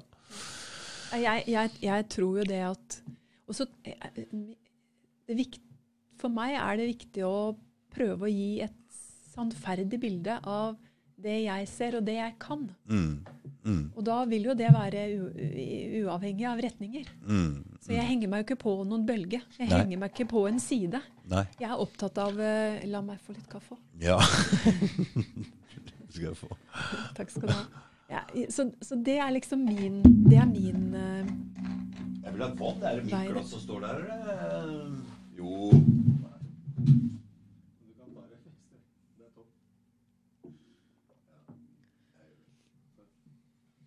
Du, Tilbake til den der vaksineskepsisen din. Hva, hva, hva, bygger den i? Oh, hva den bygger i? Ja. Uh, for, jeg har ikke satt meg så veldig inn i det. Men jeg syns det er nok av uh, ting som som er usikkert her. Ja. Og hvis den ikke hjelper Og dessuten, ikke prøv å tvinge meg til noen ting. Det vil jeg ikke. Jeg, jeg har vært mot jeg, jeg har jo vært en rebell helt siden jeg var liten, så ingen har fått lov å bestemme om meg helt siden jeg var 12-13 år gammel. Og, så jeg um, Men som sagt, jeg, jeg syns det er så mye og det er jo en del Jeg veit ikke hvem av de um, vaksinene som det har vært en del dødsfall av. Og, AstraZeneca. AstraZeneca, ja. Den prates ikke så mye om, eller? Jo. Jo, det er den? Ja, det gjør det. Og det, de har jo stoppa den i Norge. Altså, ja, men hva med Pfizer? Har ikke masse dødsfall på den også? Nei, det er det ikke noe mer enn folk dør vanligvis. Så, så den, den, er ikke noe farlig, altså. Nei. Nei. Er alle disse eh, såkalte RNA-vaksiner, disse Nei, Nei, det er det ikke. Det er Pfizer og Moderna som er RNA-vaksiner. Og så er det ja. AstraZeneca og Johnson, eller Johnson og Johnson er samme. Mm. Eh, det er en de har, Jeg leste noe om um, Men jeg prøver ikke å få deg til å ta vaksine. For nei, det er ikke nei, noe nei, altså. nei, nei, nei. ikke det, nei. nei, men det er at du vil få belyst det fra Jeg er bare nysgjerrig. Ja, altså, hvordan tenker mm. du rundt det? Altså, for jeg, jeg skjønner altså, jeg skjønner Du, du vet, Jeg er ikke redd for korona i det hele tatt. Nei. Og når det er såpass mye greie med den øh, vaksinen, da vil ikke jeg Men jeg skal si det, når jeg dro til Ghana for tre-fire år siden, så tok jeg vaksiner, altså. Ja. Jeg gjorde det. Men før det igjen, så Når det gjelder sønnen min, så, så tenkte jeg Da også leste en del om det, mye sånn mot vaksiner, og da tenkte jeg nei, han skal ikke ha noe vaksine. altså. Så jeg er litt sånn Jeg, jeg er åpen for alt, faktisk. Jeg ja. Men er det, er det, fordi det er det etablerte, liksom? Det, går det på sånne type ting? Eller? At det er det etablerte som kommer med det? Ja, At du kjenner liksom at nei, jeg vil ikke være med på det etablerte, jeg orker ikke den greia. Går det på sånne type ting? Jeg har jo alltid vært motsatt hele ja. livet, da, for å si det sånn. Allerede den første Irak-krigen så satt jeg og rista på huet når Saddam Hussein kom i midtsida i VG og var kalt en av verdens fem ondeste menn. Da tenkte jeg Og var det den lille invasjonen hans i Kuwait? Og så han prøvde å gi seg hele tida. Og så gikk de bare inn og drepte mange hundre tusen mennesker. Jeg tenkte, hva i all verden er det her for noe? Det var ikke menneskelivet som skal settes høyest av alt. Så, jeg har alltid vært sånn mot, mot, mot Skulle du vært øh, forsker isteden, da? ja. Fordi det handler om å stille spørsmålstegn, det handler om ja, å lure på, det handler om å mm, være mm. kritisk, ikke sant? Mm, mm, mm. Uh, det, er jo, det, er jo, det jeg føler jeg driver med. Jeg, driver nok ikke, jeg er nok ikke så opposisjon til Eh, til det etablerte Nei, Det kan du kjenner. ikke være? Nei, jeg, jeg er nok ikke det. Altså, mm, mm, mm. Det er liksom det, Men, men ja. når du ser sånne ting som den Irak-krigen her, så tenkte jeg hvorfor? Hva er det? Så jeg begynte å spørre utlendinger. da, så, så Syns dere om Saddam Hussein? Liksom. Men der var det en annen ting. Dem likte han jo litt. Ja. Men det hatet som var i media her Så jeg føler media er Jeg stoler ikke altså Når det kommer noen og trykker veldig hardt mot meg, da reagerer jeg motsatt. Sånn er jeg bare anlagt. Men det er jo veldig sunt, da. Og det er jo det vi eh, Jeg kan liksom ikke få sagt det. Det er, liksom, det, er det vi trenger i forskning. Vi, vi trenger å få den der kritiske men og, og da, Man må jo øve seg på å artikulere det og liksom eksakt finne ut av hva det er. ikke sant? Mm, og det er en mm. litt sånn slitsom prosess å komme mm, dit. Mm. Men i grunnleggende så må du jo ha den holdningen som du har. Ja. Mm. Hvorfor det? Eller mm, mener du det samme? Eh, og hvorfor mener du det?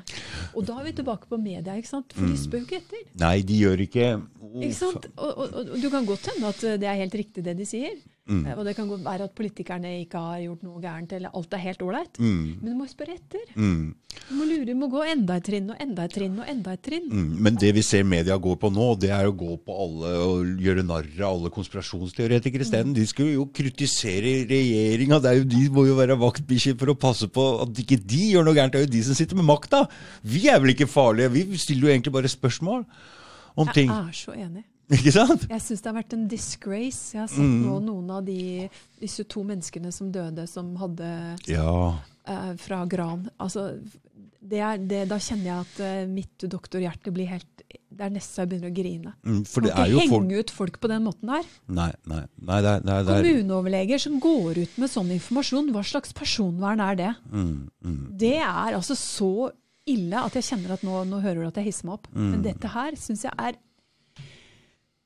Ja, det er sånn, det er, det er, det er, da gjør du mennesket, det lille mennesket, urett. Mm. Og så skal du gå i takt med Gud vet hva. Altså, det der er så provoserende. Og jeg kjenner journalister som skriver på lederplass om de dødsfallene og koronafornektere og det ene med det andre. Vet du hva, jeg blir helt kvalm. Mm, mm. Jeg reagerer altså så sterkt på den uh, at, de, at de tør Mm. å vanære folk på den måten. Fordi han jeg, jeg har jo vært venn med Gaarder en stund på Facebook. Jeg kjenner ikke han Jeg eller har vært borti jeg- han. At ikke jeg tråkka oppi noe feil her nå. Nei, nei, nei, nei kjempebra. Det er, det er kjempebra det du sier. Fordi Fordi jeg, I utgangspunktet er det jo en fyr som leiter etter skjulte sannheter. Skjulte sannheter er det viktigste av alt. Forstår du? Innover i seg sjøl, finne ut utover hva skjer i verden. Vi må få lov å stille spørsmål om ting. Og så lenge ting er altså folk har, Det fins agenda rundt omkring. Altså, de prøver jo altså, Da må vi få lov å vi må stille spørsmål om det. Det kan ikke bare si konspirasjonsteoretiker så lenge ting er skjult og det ikke jeg, Nei, jeg er veldig enig, og det er, det er veldig skummelt, ikke sant? for du får en sånn polarisering etter hvert av samfunnet. veldig, veldig. Og er det noe vi ikke trenger, Mm. så er det det. Ja. Vi, må, vi skal leve sammen Mm. under pandemien, vi skal leve sammen etter den. Mm. USA skal leve sammen etter Trump. Mm. Eh, vi ønsker kanskje ikke en ny Trump, vi ønsker jo å få fram ting. Mm. Og det er ingenting, det er ikke én ting i livet som er svart-hvitt. Ikke én eneste ting. Det, som, det som er nå Nå hørte jeg på et par Joe Rogan-podcaster, for nå har jeg begynt å jobbe igjen. Og da sitter jeg og hører på podcaster da, på, på, i bilen. Jeg kjører lastebil. Og da, da sa de at endelig, nå som Trumf er borte, så går det an å snakke om ting igjen. Det gikk ikke an å snakke om f.eks. det med Wuhan-laben og det der med ski altså, det gikk ikke snakk om. Men nå, nå går det an å snakke om ting igjen. Så på den måten så er jo kanskje bra at han er borte. For det har vært så polariserende. Ja. Det er eh, Ja, midt oppi den koronagreiene så kom den Trump-greia, og den var jo Makan til greier. Det er Du tenker på stormingen av uh, Nei, nei, jeg, nei altså jeg tenker ikke på det, men jeg tenker hele altså Jeg har jo vært på Facebook hele tida og fulgt med på dette her, og det har vært så aggressivt. Og det har ikke gått an å snakke om noen ting på en normal måte. Det har vært så Samme har jo den covid-debatten vært, men Trumf har jo blitt blanda borti Ja. På en måte kommet Altså hvis du ikke er tror ordentlig på korona, da er du på den Trump-laget, og det, Ja. det har vært en, Det har vært en det har vært et sirkus hele, Ja. hele 2020.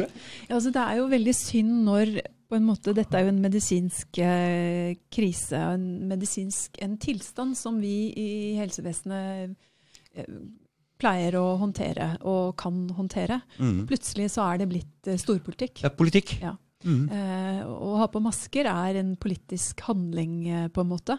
Eh, og i alle fall i USA Ja. har det Mm. blitt en politisk Det, altså det det er det ytterste symbolet på hvilken Om du stemmer Ja, eh, det, republikaner ja, eller det er demokrat. det? Ja, det er det der. Det er det der. Ja. Og du er vel ikke noe utprega ytre høyre-dame, vet du? Nei, det er jeg ikke. Hvordan kunne du gjette det? Er det hvordan jeg kler, kler på meg, eller? Nei, men Er det fordi jeg er professor og lege, eller? Nei, men så du gjorde sånn? Ja, Nei, nei men, men Nei, så, så da må du gå med maske, da. ja. ja jeg har jo ehm, Jeg har jo ehm, jeg har jo sett at mye av eh, mine holdninger og noe av det- jeg Ja, mener det er riktig under, under, eh, under pandemien nå, har eh, vært veldig assosiert med en del av de republikanske holdningene. Mm. Ikke, ikke 100% men mye på den siden. Og det, eh, det er en lekse for meg. Mm. Du blir dytta ut der, da. Ja, altså jeg har dyttet meg selv på en måte ut der. Fordi jeg ser at, eh, jeg er ser at eh, de jeg vanligvis er enig med, Mm. de er jeg ikke enig med i denne saken. Nei. Eh, Og det er en viktig lærepenge for et menneske. Ja. Ikke sant? Fordi da blir man veldig ydmyk. og tenker at oi, hvilke andre ting er det jeg liksom eh, har satt andre folk i bås med tidligere. Det er riktig. Så, så sånn sett, så når jeg sluttet å lese New York Times her i sommer, fordi jeg følte at her var det jo ikke noe journalistikk som jeg opplevde som granskende i forhold til covid, Mm. så tenkte jeg oi, nå slutter jeg å lese New York Times. Og New York Times har vært for meg en avis som er liksom, ok, det har fått verden, du har fått liksom verdensnyheter. Det har vært eh, noe jeg har opplevd som balansert. Mm. Og så tenker jeg, men har det vært balansert bare fordi jeg ikke har sett eh, den andre siden? Mm. Eh, og det er ikke veldig hyggelig å se seg selv i speilene når du Nei. får de tankene der. Nei, det er riktig. Det er riktig, det er bra. Ja. Det tror jeg skjedde med mange under eh, den eh, Trump-koronagreiene. For det Ja. ble så ensidig og det ble så voldsomt at man er nødt til å liksom reagere litt motsatt på det. Men uh... Jo, men ikke bare det. For, for meg så handlet jo det om at jeg, jeg mener at uh, det er OK, covid er jo en dødelig sykdom, men det er en aldersgradient som gjør at vi må, vi må tenke sånn som vi vanligvis gjør i medisinen, og tenke prioriteringer på den måten vi vanligvis gjør. For dere er knallharde med prioriteringer Ja, i men det må ikke man sant? være, ja, fordi det er ja, ja, ja, fellesskapets ja, penger. ja, ja. Altså, ærlig talt, alle vi som sitter i dette rommet her, Mm, vi, vi jobber for føden. mm, mm. Det gjør vi. Ja. Uh, og da må vi tenke hva skal vi bruke pengene våre på. ja. Og I medisinen så er det hvor, hvor gamle, hvor sjuke, hva skal vi satse på, hva koster det og det Ja. er medisiner? Sånn er det bare. sånn er det. Mm. Og, og, og det glemte vi her. Og det syns jeg, var veldig- det synes jeg, var- det synes jeg har vært veldig rart og pussig å se. Mm. Um, nå mista jeg litt tråd, men um, ja, vi snakket vel om uh, å se seg selv i speilene og få, få et uh, skjønne at uh, plutselig er man alliert med de man ikke trodde man var alliert med. Mm. Så du fikk litt sympati for han som ble hengt ut sånn i media ja, av det? litt? Du tenker på Trump, eller? Nei. Garder, han Garder, han som døde.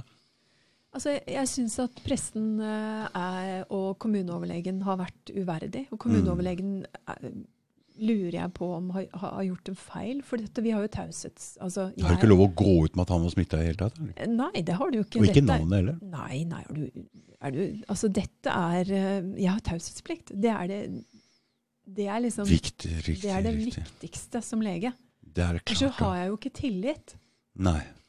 Var det Altså- kommuneoverlegen i, der oppe som gjorde det? Ja, nå skal jeg ikke gå inn i detaljer, for det er liksom dumt hvis jeg sier at det var kommuneoverlegen Ja, der, og så var det en annen. Så, ja, så det detaljene, Jeg bare mm. reagerte på det når jeg Mm, så det i mm, avisen. mm. Og jeg har reagert på noen av lederne i noen avisene som jeg føler at har eh, hengt ut øh, hva, Unnskyld, hva, hva var det han het? Gorder. Gorder. Mm. Eh, og en, en annen person, en kvinne. Ja, det så jeg ikke. Var det navnet på henne òg, plutselig? Nei, jeg, Nei. jeg, jeg Nei. tror ikke det. Nei. Og jeg hang meg ikke så opp i hvem, for jeg kjenner jo ikke vedkommende. Det er jo Nei. utrolig trist at folk dør, så Mm, bare mm. Det handler jo ikke om det, men det handler jo om at jeg, opplevde at Det var skadefryd. Ja, nesten. Ja, eller Ja, på nippet i hvert fall. Mm. Men i kommentatorfeltet var det. Ja, nå, nå, jeg så bare lederne og Mm. tenker at det er det avisene må stå til rette for. Og jeg Det er uverdig Ja, det er- eh, å, å, å ha en sånn tone overfor mennesker som er- har vært syke og, og dør. Ja, for Altså, da var det snudd på, på flisa. For det, før det så var det jo Jaså, du vil at gamle folk skal dø? Men nå er det ha-ha, se på han, han døde? Det er jo altså det Nei, nå. Altså, det er jo bare trist. Mm, ja, det er det. Folk må skjerpe seg i de kommentarfeltene. Altså. De må vi, Jeg skulle ønske vi kunne roe ned og kunne snakke vanlig og ordentlig om ting. Den covid-greia her, den, som sagt, jeg, jeg føler at det er i ferd med å normalisere seg litt grann nå. Ja, altså jeg opplever også det at det er enklere å, Og det har, det har du vært en stor del av å, å fått til. Med at du har turt å stå fram. Og det hadde jeg tenkt å spørre deg litt om. Har du møtt Har du fått mye Møter du mye problemer av det? I miljøet, i fagmiljøet, i på privaten, eller Nei, altså Nei, men.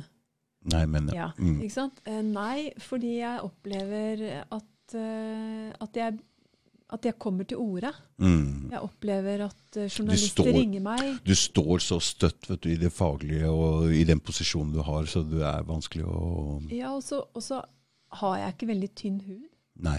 Nei. Så om noen sender sånn tekstmeldinger 'du din morder, du er akkurat som Tegnell', som jeg har fått en del av, Mm. så tenk så, jeg vet ikke, Det er kanskje veldig arrogant, da. Så tenker jeg nei, men stakkars dem. Jeg tenker er ikke at det er et problem med meg. Jeg Nei, tenker ja, at det er stakkars det dem. det er det der. Um, og, og, og faglige, faglige uh, Hva andre leger og mine kollegaer måtte mene, det er sikkert veldig mange som ikke har vært fornøyd med det, og er, er uenig med meg. Mm. Uh, og det, det syns ikke jeg er problematisk. Nei. For det tenker jeg det er akkurat det vi snakker om her. Vi må jo ha dialog. Mm, Og det mm. må jo være lov Ja. uh, å ikke være enig. Mm. Så jeg, jeg, jeg vil ikke egentlig problematisere uh, det også. Jeg tenker at for meg så følte jeg veldig tidlig at uh, jeg skal være på rett side av historien. Og folk skal vite at det er noen som har tenkt annerledes. Det er så bra sagt, Mette. fordi det som skjer nå, det er faktisk, og det sa jeg til deg i telefonen, det, det som skjer nå er historisk. Og den stemmen du gikk ut med der, det er et veldig, veldig viktig ting du gjorde. Fordi det er på vei til å snu. Det er altså, Stemningen er på vei til å snu, og det du gjorde, det var så bra og så viktig og riktig. Det er min mening, i hvert fall. Så, Ja, det, er, det er veldig hyggelig å høre. mm, mm. Det som jeg er litt opptatt av, egentlig, da, for jeg er jo opptatt av Kommer til å stå i historiebøkene. Mette. ja, altså det, som er, er, er nødt til det. det som er viktig at står i historiebøkene, det er at uh, det er noen som prøvde å si ifra. Det er Ja. noen som etterspurte uh, fakta. eh, Mm. Sånn at vi liksom ikke gikk helt hodeløse inn i det. Og det er jo viktig. Det, for meg er det viktig. Mm, Ikke sant? For jeg, når jeg går til legen, så spør jeg etter. Hva er fakta? Liksom, hva, gi meg mer. Jeg må vite mer. mm, Eh, og, og det, er, det, det mener jeg er utrolig viktig. Og det er, vi mennesker vi går veldig lett i takt, og det er fint på mange måter. ja, det må det. Hvis ikke så Ja, hadde ikke samfunnet nettopp. fungert. Men vi kan ikke gå i takt når vi går i feil takt. Nei. Da må vi stoppe opp. Vi, Mm. liksom, det er mange hendelser i historien som viser at hvert enkelt individ har ansvar. Mm, mm. Og det kan vi ikke skyve fra oss. Men det er noen få stemmer som er litt kjente, som har prøvd å si fra. De har møtt veldig mye motstand, men det er jo kanskje ikke det leger og den stilen. altså De har kanskje ikke den faglige bakgrunnen som du har, men de har, har slitt. Jeg har jo sett hvordan de ja, de har eh, fått uh, høre det. Nå kom jo han Svein Østvik ut og brant Ja. eh, Ja, det var også en veldig sånn pussig reportasje og, og nyhetsvinkling på det der. For det var veldig arrogant, syns jeg. mm, Måten han ble omtalt på, og nærmest uh, hvilken idiot han var. Jeg, jeg, jeg, altså, jeg reagerer veldig sterkt på en sånn type vinkling mot individer. Mm. Det kan ikke pressen holde på med. Nei.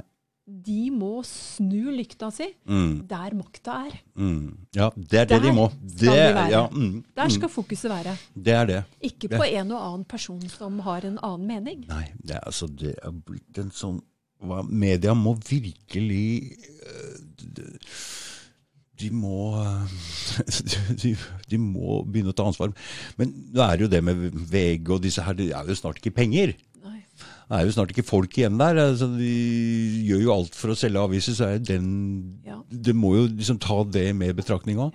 Det er jo ikke altså, Broren min jobber jo i Universal. Han sier hvis du skal ha det, du må bare ringe dem og si hva de skal skrive omtrent. For de har ikke ja, De har ikke folk, de har ikke tid. De kan ikke lage noe ordentlig journalistisk eh, Og det er jo vi, oss, da. Det er du og jeg da, som ikke kjøper, og som ikke Altså som vil ha alt gratis. Ja da, ja har, da, ja, så, ja, så det er jo mm. Vi får jo det samfunnet vi, vi, vi sagt mer om ja, også. Ja, ja, ja, ja. ja, jeg betaler jo ikke Nei, så nå så jeg du fikk litt dårlig samvittighet. Søren, Ja, men altså. jeg er jo fattig, jeg.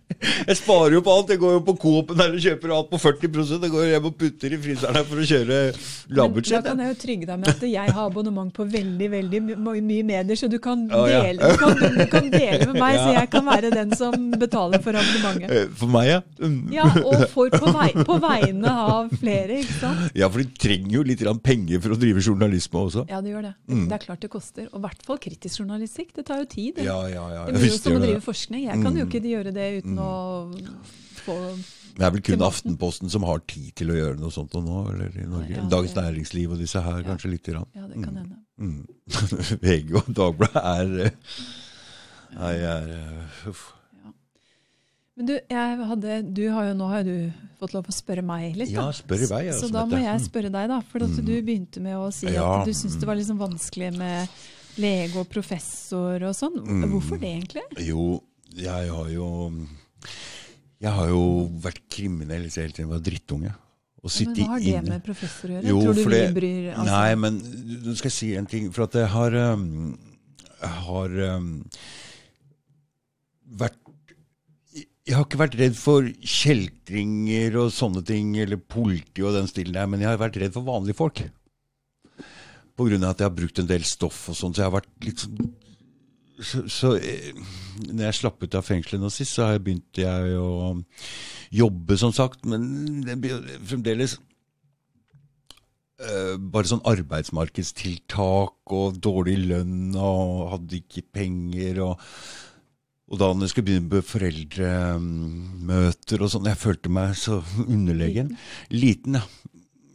Så etter hvert nå som jeg har begynt å jobbe og jobba en stund, så føler jeg meg Jeg kan snakke med vanlige folk, men når det begynner å bli professorer og sånne ting, da, da, da, da møter jeg det samme igjen. Da, Men, men tenker du da at det er noe med sånn smarthet? Eller tenker du at ja, uh, ja, ja, er, ja, ja, at du sånt, bruker feil ord, og at de kan liksom se jeg, jeg tenker ikke noe spesielt over det. Det er bare en sånn greie Greie. som Sånn kompleks som jeg har, som jeg tenkte, etter å ha prata med deg, kanskje vil Fordi det som skjer med den podkasten her, eh, er jo at jeg får treffe jævlig mye smarte folk som jeg respekterer og ser opp til, på en måte. Og så Det er jo en stor personlig utvikling som foregår her også. Ikke bare det at jeg får lov å dele det, men for meg personlig så er det jo kjempe Det har alt å si. Jeg tror jeg har vært veldig intellektuelt understimulert i det miljøet jeg har vært. Ja, det er en, jeg føler er en ære å få sitte her og snakke med sånne folk, og jeg tror jeg kommer til å vokse personlig på det også. Hmm. Ja, for det, det er jo sånn å være professor, det er jo å være lærer.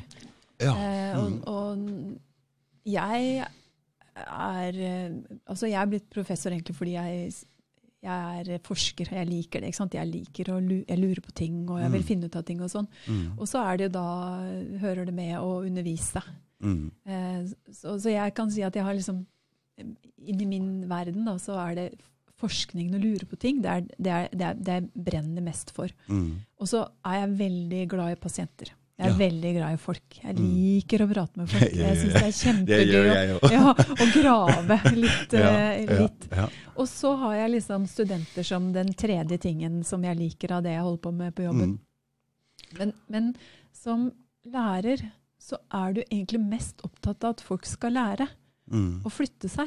Mm. Det er, så, det er egentlig det som betyr noe. Mm. Så derfor så tenker jeg liksom det, huske, det er liksom til deg, da. At Mm. det er det vi er opptatt av. Mm. Vi er ikke, det er jo ikke noe det er ikke noe annet enn det. så hvis man får nei. folk til å flytte seg bitte, bitte lite grann, Mm. og få lært bort noe, eller og gitt folk en inspirasjon til å grave, lete, lese, lære, Mm. så har man liksom lykkes i jobben sin. Mm. Det er en Så- annen ting òg, siden jeg har hatt inn såpass mye um, samfunnskritiske folk her. Som Kent Andersen og Lars Birkelund, som skriver om krigen mot Syria. ikke sant?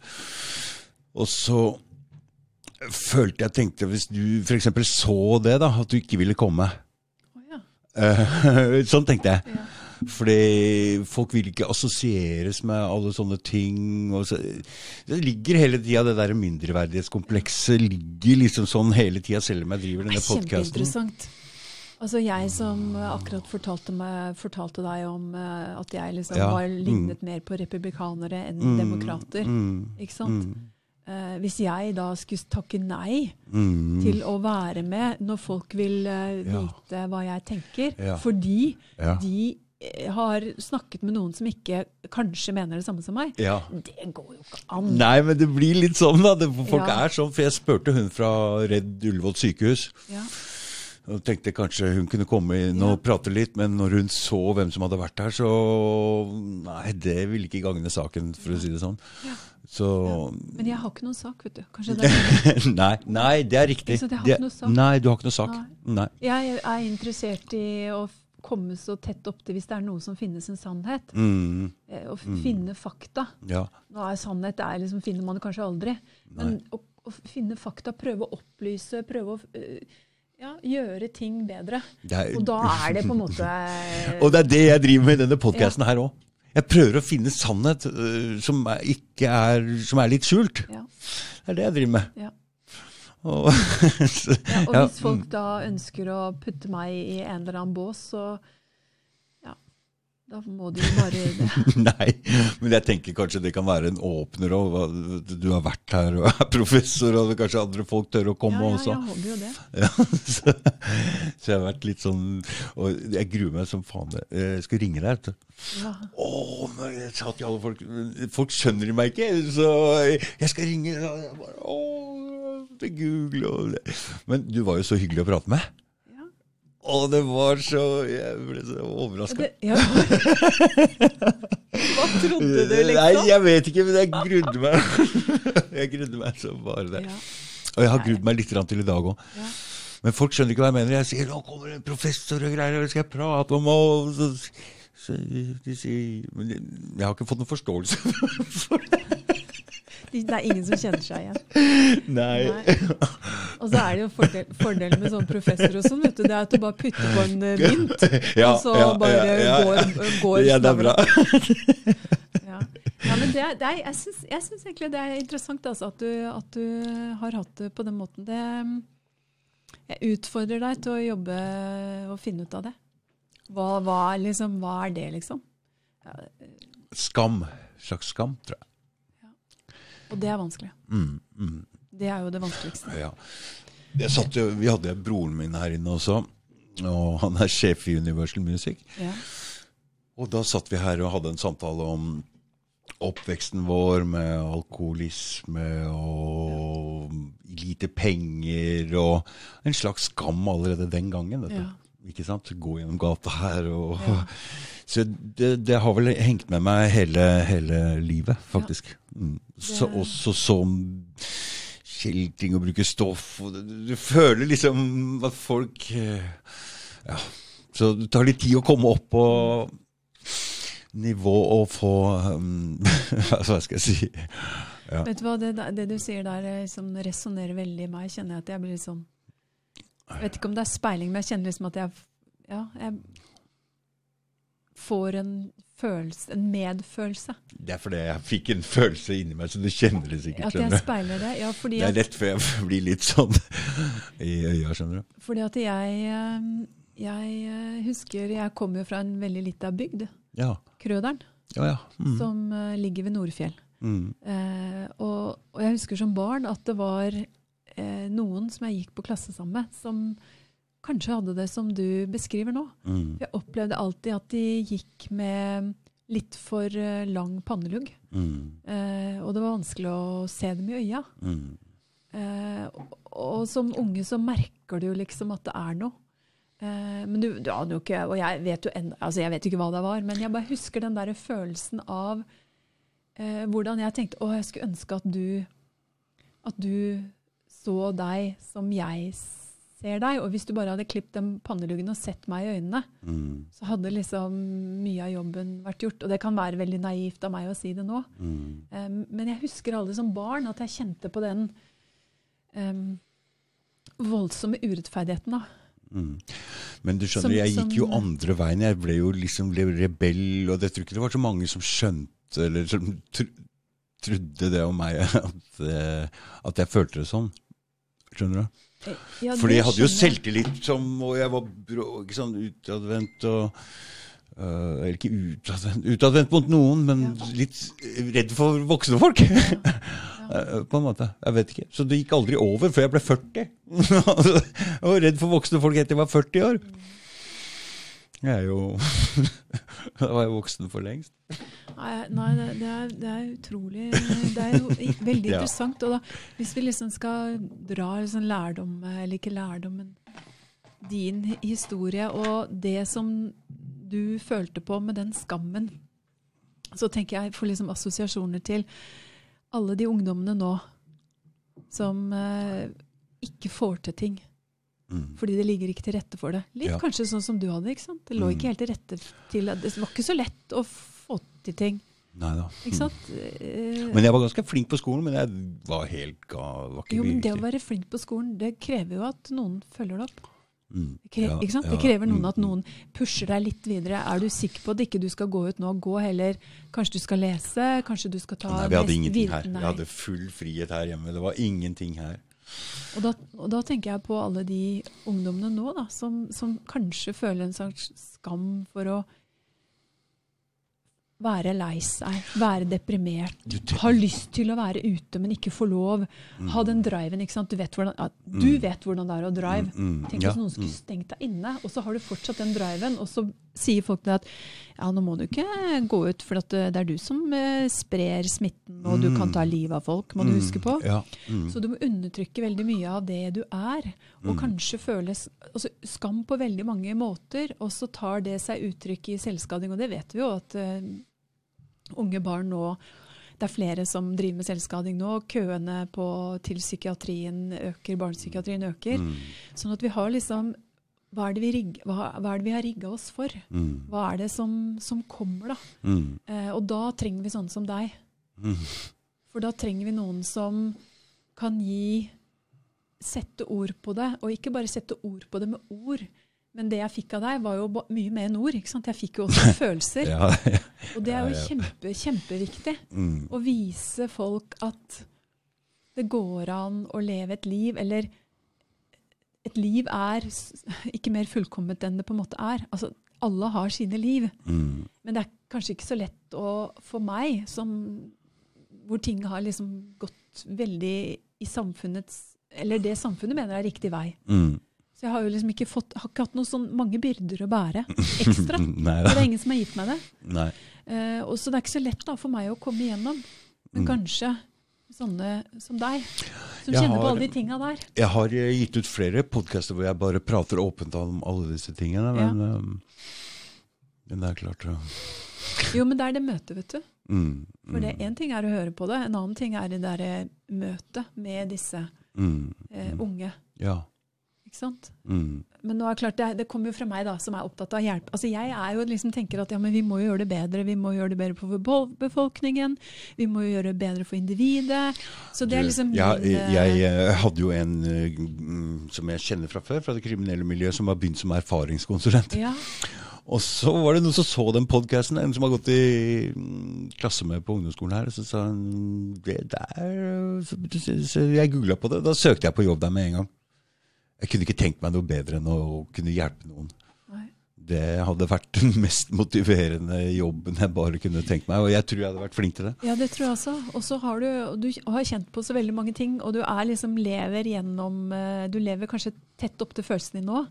Sånn at det er Jeg- liksom veldig sånn dynamisk, eh, og det er jo utrolig viktig når du jobber med folk. Mm, mm, mm. Så det hadde jo vært helt Og så veit jeg hvordan man kommer seg ut av det. Det har tatt uh, tid, for å si det sånn. Du begynner helt på bånn. Det er ikke lett å komme deg når du er 40 år og sitte med dårligste telefon og ikke ha bil. Og det, livet mitt har jo vært litt opp og ned, penger og pang inn i fengsel og uten noe. Så det har jo vært en, litt av en reise, for å si det sånn. Ja, det er jo helt utrolig. Jeg kan ikke tenke meg det, tror jeg. Nei, Nei, altså, det, helt nei, ærlig. ja, altså, det ja. er jo ikke noe Jeg har jo ikke kjent på det. Jeg kan jo høre hva du sier, men Mm, men jeg har faktisk jeg må, jeg må si, Faren min har gitt meg støtte hele veien. Alltid. Alltid kjempeblid. Alltid positiv. Alltid stort på meg og hatt tillit til meg, og det tror jeg har hatt jeg skjønner at jeg har hatt mer og mer å si, fordi jeg har hele tida tenkt at det, Du kan tenke sånn Hva med faren min, så tenker man egentlig bare en sånn energi. Øh, Å ja, det er den energien som har vært som en sånn Akkurat som jeg har hatt han i ryggen hele tida. Og det har gjort at eh, jeg har klart meg mye bedre i det miljøet, for jeg har stått mye stødigere med hans hans hva skal- Skjønner du? Med hans støtte. Så det er akkurat som jeg ikke har vært aleine. Og da har det ikke vært så lett å bare blåse meg hit og dit, så jeg har vært sånn stabil. Så jeg, uansett om han kanskje skulle Når vi satt der med broren min, så, så, så sa han at eh, han skulle jo vært der borte på skolen og henta meg. Det hadde ikke gått. Du kunne bare glemme. Da hadde vi blitt uvenner, da. Det hadde ikke Skal han låse meg borte fra det? Jeg var jo pådriveren i det miljøet der. Det hadde ikke gått i det hele tatt. Så han tar, broren min tar feil der. Jeg har tenkt mye mer på det her enn han. Så jeg jeg er skikkelig takknemlig for at faren min har vist meg den støtte, for det er så mange i det miljøet som har blitt kappa øh, Familien dytter dem bort. Og da har de liksom De har ikke noe Det er så lett at de blir så flyktige, da, kan du si. Dit og hit, og vil ikke stå så støtt som de burde stå i det miljøet, for det er ikke lett å være i det rusmiljøet, kriminelle miljøet, og, stå stødig der uten å dette i de verste fellene. Men er det, er det, er det, er det bildet av faren din? Er det faren din? Eller er det sånn din integritet som du på en måte har arvet av han? Er det, eller? Ja, det kan du lure litt på. Jeg, jeg har noe av, um, av faren min i meg. Det ser jeg jo. Men uh, det er Når jeg tenker på hvem faren min er, så tenker jeg det er en slags sånn, Jeg føler en sånn energi hele tida, en sånn tillit. Så det er rett og slett Det er faren min. Han har alltid sagt nei, han har alltid sagt ja, han har alltid hjulpet meg. Han har alltid, han sa til meg en gang Jeg har alltid hatt sånn respekt for deg. Jeg, sånn, helt, helt fra jeg var liten. Det kan ha hatt noe med at hans skamfullhet for hans alkoholisme også, ikke sant, inne i bildet der. At han ikke har følt seg sånn veldig Men ja, altså, det er en rar Hvem er eldst da? Broren din eller? Jeg er eldst. Mm. Det kan jo være at eh, det ikke fins noen sannhet der heller, da. At det er din opplevelse er din, og Ja. hans opplevelse er hans. ja, ja, ja, ja, ja. Når det gjelder sannheter, sånn subjektive sannheter, så Nei, der sitter vi ved hver vår, og min sannhet er like reell som din. Det er, sånn er det bare. Dette er Nei, jeg syns, det her er veldig interessant. du er lege, du, nå. Nei, jeg er ikke egentlig. Nei, men- følte meg ikke som lege nå. nei, Jeg føler nei, meg nei, mer som eh, at jeg er, er genuint liksom nysgjerrig, da. Mm. Og jeg er også litt sånn nysgjerrig på hvorfor ting skjer. ikke sant? Tilbake til den der forskeren og For at jeg, jeg kjenner meg jo igjen i det der, for du snakker om integritet, tror jeg. Ja, at du står der støtt, ikke sant. Mm, mm. Eh, og det handler om at du har liksom en slags integritet. Det er fordi jeg lyver ikke, jeg stjeler ikke, jeg er ordentlig med penger, så jeg er øh, Og jeg er ja. ordentlig, selv om jeg er i det Og jeg ville kalt det integritet. Det er det jeg kjenner igjen i meg. Ja. Det er litt det samme som jeg har. Jeg føler liksom at ja, men jeg har jo alltid meg. Mm, Jeg har mm. jo, det er liksom en kjerne der. Ja, Og så det er tenker jeg liksom eh, Hva er det som gjør da at eh, du eh, kom i et kriminelt miljø, begynte med stoff, og jeg ble professor? Vi hadde sånn, dårlig råd her hjemme, så jeg Ja, men- drev bort på der og tenkte jeg ordne Jeg sto her og slokka lyset for mamma når hun skulle stenge strømmen og hjelpe til, og jeg skal hjelpe deg å ordne penger, her, mamma. Ok, Så jeg visste om et sted å ordne penger. Ja.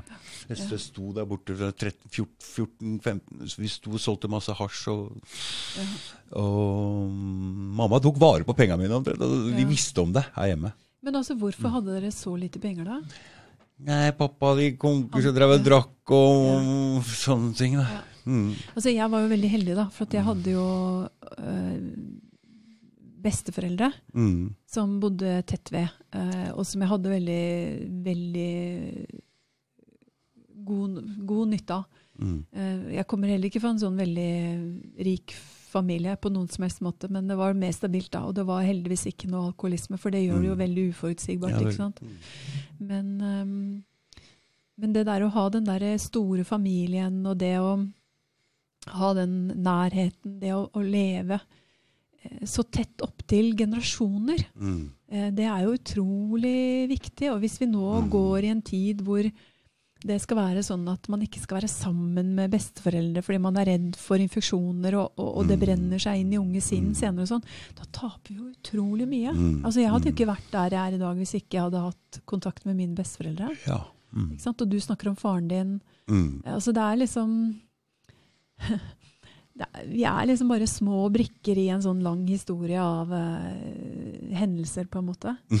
ja, Ja. det er vi. Ikke sant? Og så, og så må vi liksom håndtere de kortene vi får så best vi kan, da. Ja. I det tidspunktet vi tar avgjørelser. Du kan tenke deg så bra det er for meg å drive med det her nå. Det er jo, så, det er jo Så hver lille ting er jo mye større enn det ville vært for en vanlig person. da. Ja, men du har jo en drive, da. ikke sant? Du visste jo allerede som ungdom at ok, her er det en måte å tjene penger på. Det var jo kanskje ikke så smart akkurat den måten. Nei. Det, ikke sant? Nei, det var liksom Ja. dum, dum avgjørelse der, og det krever jo voksne personer. ikke sant? At en Mm. voksenperson sier at du, det er søren meg ikke ditt ansvar. Mm. Ikke sant? Mm. Og det styrte jo ikke du over akkurat da. Eh, um, men det er jo den driven, da. Den driven, Jeg skal løse et problem, jeg skal finne ut av det. Jeg, du har stått i et miljø som eh, ikke er sikkert et sunt miljø, og så har du vært i fengsel, som er sikkert heller ikke er noe særlig lett, og du får kanskje ikke de beste vennene Eller det kan hende du får, men, men, men du kan komme veldig skeivt ut og i en sånn dårlig sirkel. Og så har du på en måte kommet deg ut og snakke med en professor, da. Ja. Wow. ja. Liksom, det kommer jo ikke, det kan ikke bli Nei, bedre det kan ikke enn bli bedre enn det. Men jeg mener den driven, da. Ja, Det er ja, ja, det er noe drive. Altså, er, jeg har noe sånn Sant. drive inni meg. Det har Altså, jeg. så er Hvis ikke så hadde jeg ikke klart alle de ned og opp på turene og inn i fengsel og ned på bånn igjen og opp Ja. Det hadde ikke klart det uten Nei. det. Må det ha noe- go der. Ja, så det må jo være noe Ja. i den der driven Ja, det det. eh, som gjør at eh, du eh, kommer deg gjennom. Ja, ja det er helt sikkert. Ja. For det er ikke for alle. Og, og at du også driver med en podkast. ja. Mm, mm. At du faktisk ytrer deg. Selv Mm. med den skammen som du snakka om i stad, og selv med den selvtilliten som du også toucher litt borti, Mm, så gjør du det. mm, Så det er jo da Da står vi jo igjen med den der integriteten, og den der harde kjernen. At det er liksom ja. lø, eh, Løvetann er kanskje et forslitt uttrykk, men eh, det er liksom noe med at man reiser seg igjen allikevel, da. Mm, Og det er jo veldig optimistisk. mm. Det er jo et fantastisk eh, optimisme som ligger i den historien, historien ja, ja, der. ja, ja, ja. Og det er jo veldig For jeg har vært litt sånn pessimist jeg nå under korona, for jeg tenkte at nå oh, ja. går alt til helvete. ikke sant? Nå blir frontene større, det blir lenger mellom folk. Jeg skal være venner med folk som har ment noe annet enn meg, som ikke har turt å stå opp for noe som jeg mener har vært vanskelig. Allikevel så må vi liksom finne sammen, og vi må være enige, og vi må jobbe med eh, å få et samfunn videre. Altså, vi, vi- skal jo sammen, vi skal jo jobbe Vi skal jo ha det bra etterpå. Mm. Men vet du hva jeg tenker på? Jeg har jo våkna til liv jeg nå under den koronagreiene her. Fordi før det så jeg ikke var noe, men når dette skjedde, jeg har vært helt i fyr og flamme, og hva er dette her? Og... Så for meg har det vært um, en bra periode. Eh, Det virker som om når noen blir redde, så må noen andre opp og si noe. Ja, det er veldig interessant, da. Eh, Jeg tror samfunnet er lagd sånn. Ja, det hadde jo vært helt fantastisk. Det må være det, for vi har jo forskjellige egenskaper og forskjellige oppgaver, kan man si. Ja, ja. Og jeg føler liksom at livet har vært litt sånn kjedelig. Liksom ikke noen ting har interessert meg, men når det først begynner å bli litt alvor, da er det noen som tråkker til, da, som har noe som tør. Og jeg må jo si det at i de kriminelle miljøene så blir det på en måte at vi leker litt krig, da ja. med politi, og det er jo litt spenning og litt action hele tida, så det blir jo litt at det skjer Det noen det ting. Det, ja. Så ja, ja, kanskje det er det, sånne type ting. Mm. vi må jo ha noen i samfunnet som ikke blir redde når alle andre blir redde. Vi må jo være bygd opp sånn. Ja, ja, det, det er sikkert riktig. Jeg har bare Det er bare noe jeg tenker at det kanskje er sånn, da. Ja, Det kan godt hende at det er sånn. Og det kan godt hende at um, Jeg vet ikke, jeg er jo egentlig genuint optimist. Jeg er liksom Ja. Mm. Det ordner seg. Det er, det er liksom min holdning. Ikke bekymre deg for mye, det ordner seg. Det er liksom min sånn generelle holdning, eh, på en måte. ja. Men jeg har liksom vært Syns jeg har sett så mye sånn demokratiet som går under, og det Altså, er det liksom det verste jeg kunne tenke meg? nei, Mette, det, vet du hva, hør nå. Det Hør, er liksom hør Jeg skjønner det. Men du skal vite det at samfunnet har vært fundamentalt feil. Alle de krigene vi har gått med på, alt dette her. Men nå syns det mye tydeligere, og det betyr at nå må flere og flere våkne opp og se alle de feilene som er i samfunnet. Så covid er på en måte en blessing in disguise. Jeg ser det på den måten. Fordi det er mange nå som våkner opp og ser mange feil, og ikke det er mange som går i blindspor her, og, men det er en del folk som begynner å se feil flere steder i samfunnet. Og det er bra. Ja. Fordi vi kan ikke fortsette å støtte den krigen i Syria. Vi kan ikke fortsette å lage alt det der. Vi bomba Libya, vi støtter liksom Irak og alt det. Vi må slutte opp og lage de konfliktene nå i Ukraina. Jeg, jeg ser jo så jeg er jo på motstanderlaget til Nato hele veien her. Så jeg skjønner ikke helt Jeg syns vi er eh, vi må, vi må våkne opp og teit å si våkne opp, men eh, liksom engasjere oss da i urettferdigheter og i riktige urettferdigheter. Ja. Ikke det vi tror med media. Vi må være mye mer kritiske til det media serverer oss. Det er det jeg mener. Ja. ja, jeg er jo enig i at vi skal være kritiske, altså. jeg, jeg, men jeg er nok ikke så optimist som deg. Men uh, jeg lar meg uh... Det er begge deler. Ja, jeg, meg, jeg, jeg tar gjerne en sånn uh, optimist, eh, og det, og, og det kan godt hende, som du sier, at vi trenger, vi trenger en vekker, men jeg er litt sånn på bekostning av hva? Ja da. Ja, ja, ja. ja. Nei, jeg er uh, Ikke sant? Ja, nei, nei. Begynner å tenke på det der igjen, så Men, men optimismen kan vi jo ta tilbake da, ved å si at det er jo sånn at når vi får utfordringer, så er det jo mange av oss, og deg inkludert, ikke sant, Mm. Faktisk det går bra med likevel. mm. Ikke sant? Så aldri så galt er det godt for noe, er det Nei, det er klart det skaper veldig mye. Det er klart på bekostning. Men la oss si at det skulle vært en krig, da, en Ja, ja. ordentlig krig isteden. Ja. verdenskrig nummer tre. Altså, det hadde jo vært eh, Dette er vel å foretrekke, for, ikke sant? i fordel i forskjell til det. Men det er klart det er, Hvis vi går inn og ser på konsekvensene, og hvis vi ikke tenker på bare på Norge, men på alle andre fattige land, og det, hva den nedlokkingen her har hatt for konsekvenser, så er det bare uante. Og da, når folk da begynner å snakke til meg om at jeg ikke har empati for de gamle, så blir det bare det, jeg, jeg forstår ikke. Um, Lockdown og alt dette her har mye større, mye større konsekvenser enn å- ja, veit vi jo ikke helt hva, som ville skjedd hvis de hadde sluppet alt sammen løs, da, men de må se å åpne opp her. De må se til å åpne opp. Bygg ut sykehuskapasiteten, da, gjør noen ting, og så slipp dette litt løs her nå. Det, er, det ødelegger økonomien. Det ødelegger Broren min driver jo en restaurant ute på Bygdøy. Jeg veit ikke hvordan det skal gå der. Jeg er jo avhengig av turister. Når er det skal komme turister ennå? Jeg vet ikke. Skal det bli vaksinepass? Hva er det som skjer? det er eh, Altså det, det, det akkurat Hvis vi snakka vi var liksom på det positive og optimistiske, men eh, det der med vaksinepass eh, i den forstand som en slags passaser, eh, passerseddel, det, det syns jeg det ser noen tegn til at det blir det ikke noe av. Det blir ikke av, men i Israel så har de allerede Der, er der, der er de eh, ganske strenge. Ja, Altså. det er riktig. Det, det stemmer. De, de, der har man jo innført det. Mm. Og kanskje, I Danmark har man jo på en måte en, jeg vet ikke om man skal kalle det pass, men man har jo en, et krav til eh, å ha negativ eh, koronatest eh, Mm. for å gå til frisøren, for Mm, å gjøre, gå på restauranter og sånn. Mm. Så det er jo også en slags eh, passereseddel, da. Mm. eh, som, som jeg tenker at det er veldig uheldig hvis samfunnet skal gå i den retningen. Hvis det er det som skal til for å åpne opp, så, man, så mister vi jo en, eh, en, eh, en frihet, og det blir en tvang om å teste seg, og det blir et veldig fokus på sykdom. Mm. Ikke sant? Og jeg tenker jo at du, det er jo ikke fokus på sykdom vi skal ha, vi skal jo ha fokus på et liv gjerne uten sykdom, men det er jo ikke sykdommen som skal drive, Mm. og vår, angst for, vår helseangst som skal drive vår atferd. Det blir jo et dårlig liv. Skal, jo- altså vanligvis så skal ikke du gå, du skal ikke trenge å gå med legitimasjon på deg og sånne ting. Så nå skal det liksom være en sånn Jeg vet ikke. Skal du vise fram det og det for å gå der og der? Og så skal det være, skal det være, skal det være kontrollører overalt? Og hvordan skal vi ha dette her, egentlig? Men Koronaen Altså, er ikke jo- sånn.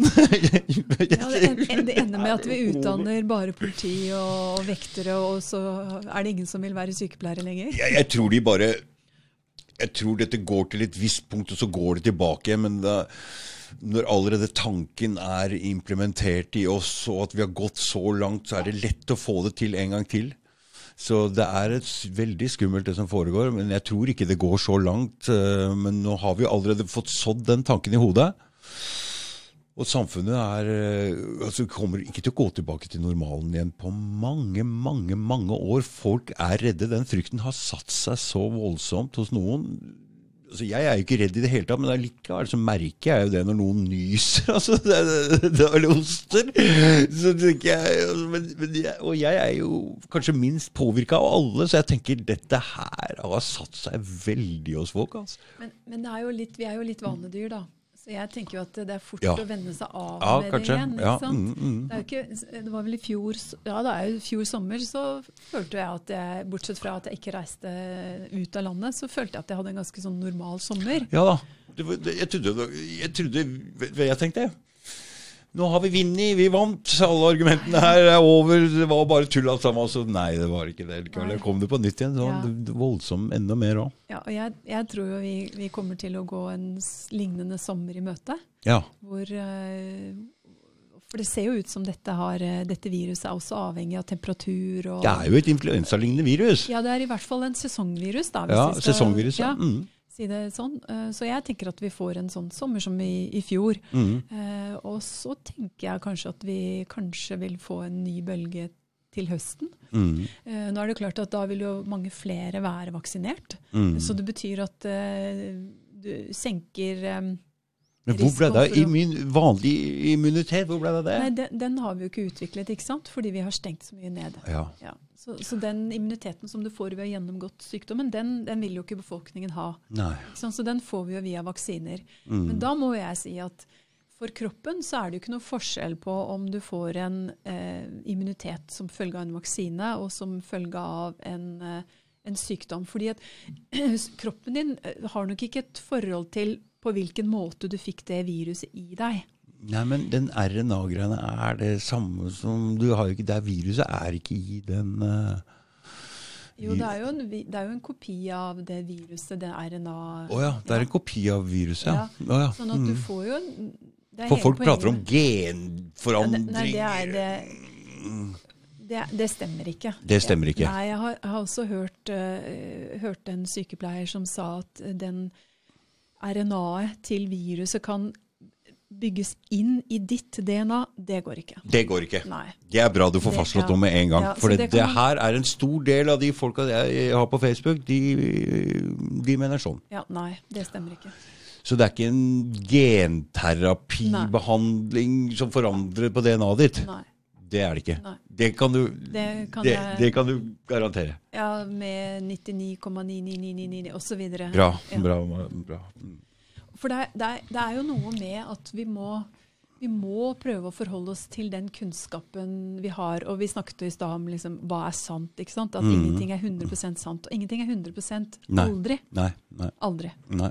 Eh, og også her. Men, men med veldig stor uh, sikkerhet så kan jeg si at den vaksinen og det viruset er ikke farlig for ditt DNA. Nei. Det har ingen betydning for det. Så det som skjer når du får inn den vaksinen og den RNA-et eh, fra den, det viruset som er i den, i den um, vaksinen, Mm. så det som skjer, er at immunforsvaret ditt trigges. Sånn at det lager eh, hukommelsesceller, antigenstoffer, okay. som gjør at du kan håndtere det viruset når Så kroppen kjenner igjen viruset, og neste gang det kommer i kontakt med deg, så reagerer kroppen før du blir syk. Mm, mm. Så det er litt som å ha en asymptomatisk eh, koronainfeksjon Ja. Mm, neste gang. mm. Eh, så, så, så, sånn sett så det er ikke noe argument for å ikke ta vaksine. Vi, vi skal ikke, det skal Men ikke der være ser, du, der, der ser du hvor langt altså, når du ikke ting, fordi Alt om vaksinering har vært sensurert på YouTube. Alt antivaksi, Ja. anti, har vært sensurert på Facebook, det har vært sensurert på YouTube. Og når, folk, når ting blir sensurert, så går folk og leiter etter det på andre steder. Og når det blir så skjult som det, så tar man det så veldig inn Ja. eh, som sin egen 'Dette er sant'. Ja. Så det der, vi må Det, må, det derre sensureringa, det har vært veldig, veldig skadelig. Eh, for hvis det er det du sier nå som er sannheten, så veit jeg om folk som tror at det er for å halvere befolkningen på jorda. Og det andre er for å skippe oss og for å forandre DNA-et vårt så vi blir et annen mennesketype. Sånne, nei, men sånne eh, teorier er ute og går. Og det er av den sensureringa som har alle ting, vet, alle ting som blir forsøkt trykt ned sånn, det blomstrer opp i Darker. voldsomme øh, andre steder. Derfor er vi, derfor er det veldig viktig at du kom hit i dag og, og, og snakker sånn som du snakker om det. Ja, nei, akkurat det siste der, det, det kan, man, kan man glemme. Og det betyr ikke at jeg mener at det skal være obligatorisk med vaksine. Jeg mener at det skal være frivillig, men eh, det er ikke farlig for deg. Eh, og det endrer ikke ditt DNA at, uh, å ta den eh, mRNA-vaksinen. nei det er bra. Hva er det du prøver å si, Steven? To timer. Ja, er det bra? Ja, det er, det er interessant. Og, og jeg syns det er viktig at det blir klargjort, Ikke sant? sånn som Mette gjør nå. Mm, Det er, det er nettopp det vi har savna. mm, mm, ja. Rydde opp. Ja.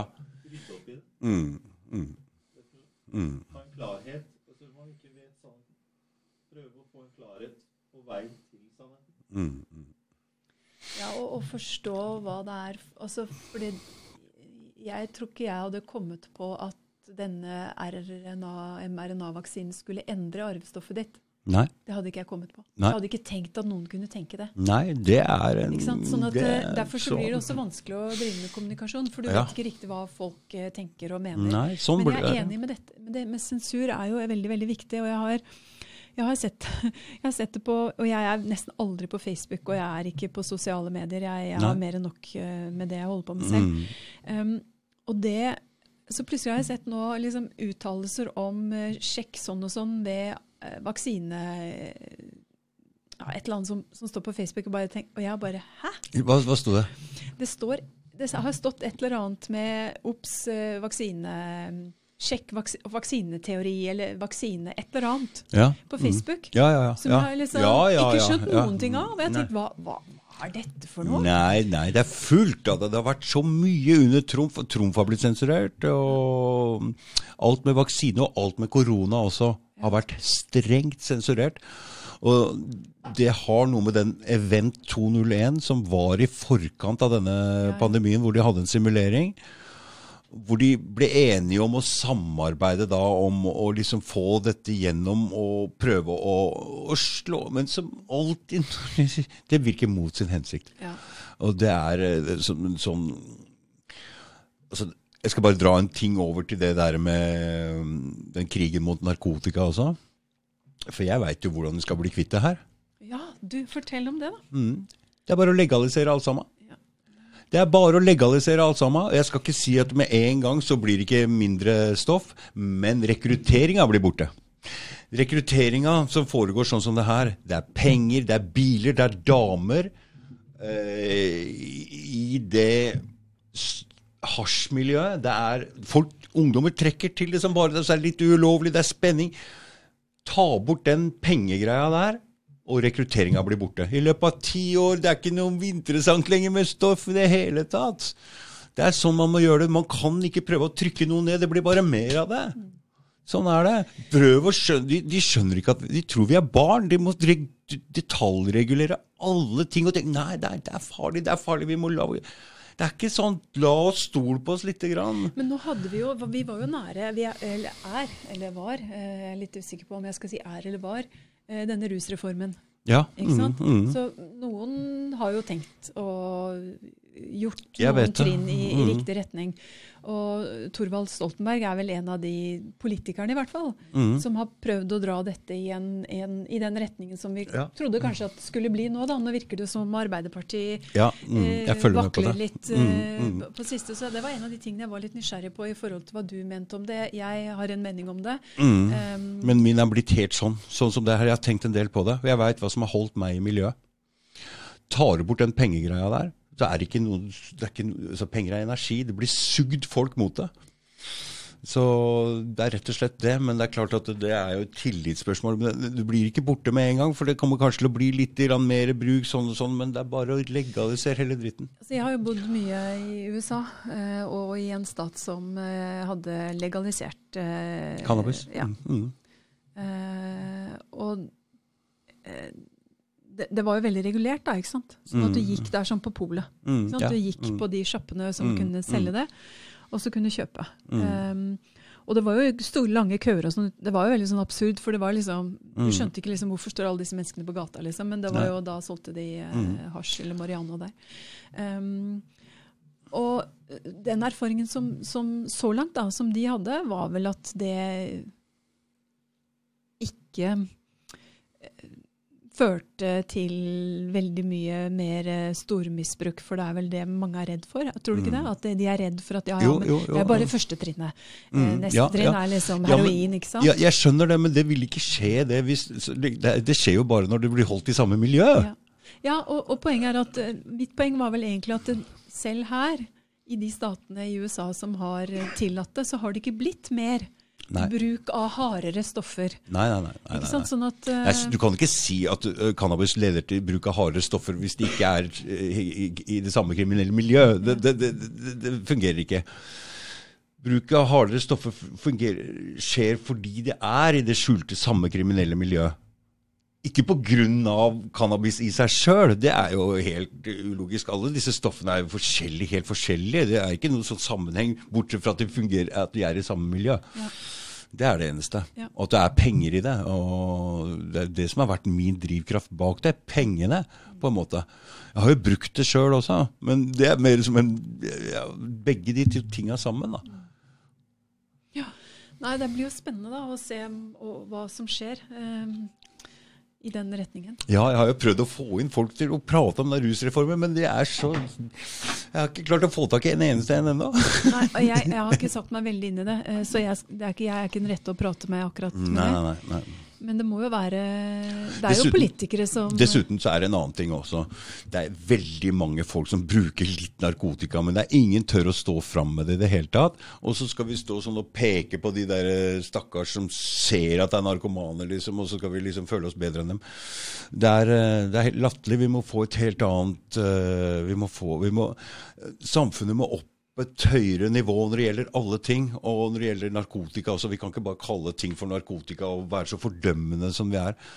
Vi må slutte å sette folk i bås, og så må vi For mye av dette er jo den skammen òg, ikke sant? Som er der, med at du må gå sånn med huet bøyd. Og det er vel så skadelig som det. Og, og, og drive og lyve om det også. Løgn er veldig skadelig. eh, Men det er jo det vi har snakka om hele tida, eller? Ja. Mm, Ikke sant? Selv om vi ikke har snakka om løgn, men vi har snakka om sensur. ikke sant? Mm, At noe er lov å si, og noe er mm, ikke lov å ja, si. Ja, Og det er jo det er problematisk. mm, mm, Eh, Det er problematisk, og det er akkurat det med å sette merkelapper på også. mm. Altså, tilbake til denne dumme At jeg plutselig var som en republikaner, eh, ja. på en måte. Eh, Så, så bare det at jeg tenker i den retningen, sier jo noe om hvordan i hvert fall jeg da, tenker om merkelapper. ikke sant? Sånn at det Mm. ligger vel helt sånn grunnleggende i oss. Og jeg Mm. tenker akkurat som deg at det er ikke Det er veldig lite formålstjenlig. Mm. Selv om jeg skjønner jo at det er en veldig sånn eh, menneskelig ting å gjøre, fordi vi liksom raskt kan se på folk. Og Mm. når jeg kom til USA, f.eks., så oppdaget jeg at jeg i Norge så kunne jeg liksom i hver selskap så kunne jeg vite hvem som var på en måte sammen. Mm. Altså Hvis det var par, så Mm. kunne jeg ha, liksom, hadde jeg ja, visst forhold, har visst mm, forhold til at mm, ja, mm. det, det var ikke sant? Det, det er ja. Og så kom jeg til USA og skjønte Mm. ingenting. Nei. Det var ikke sånn i det hele tatt. Jeg, jeg, ikke, jeg kunne ikke peke på altså jeg, det var, jeg liksom hadde ikke peiling. Og så tenkte jeg jøss, det er jo kjempeinteressant. Mm. Liksom, og det er jo ikke noe du går rundt Du går ikke og tenker på det at du har den egenskapen til å vite å ja, du kommer derfra. ikke sant? Men det, det mener jeg jo at vi kan litt i Norge. Vi kan si litt om folk, avhengig av hvordan de ser ut. Så det er en sånn kulturgreie rundt det der. Ja. Mens i USA så har de helt andre eh, merkelapper. Hvilken stat var det du bodde i? Jeg bodde i Massachusetts. Mm. For det er forskjell på disse statene. Ja. Veldig, akkurat som et annet land også. Ja. For jeg hadde jo sånn, jeg gikk jo på gymnas sammen med sånne som hadde vært et år i USA, og de hadde jo helt totalt forskjellige historier. Alt fra det mest konservative, måtte stå liksom og jeg kom hjem med dattera di klokka ni, og helt til det mest festegreiene. Så det er jo Jeg er veldig glad i USA, altså. mm. Eh, og det er klart at jeg har jo også vært en privilegert eh, person eh, i USA. For jeg har jo vært på Harvard. Ja, det leste jeg! Ja. Oi, ja.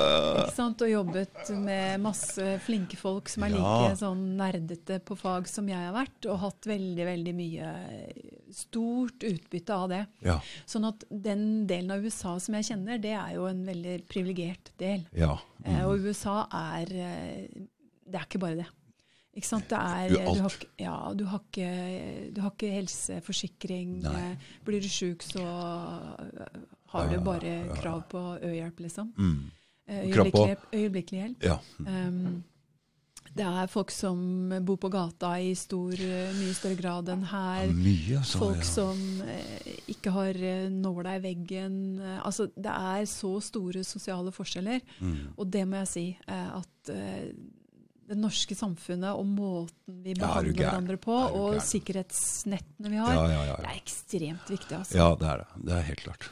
Det er, det er viktig. Og vi kan drømme om USA, vi kan liksom se på programmet hvor vi ser med folk med mye penger, og som liksom og, og for meg da, og denne kunnskapen som var der, og debatten og diskusjonen og sånn, Mm.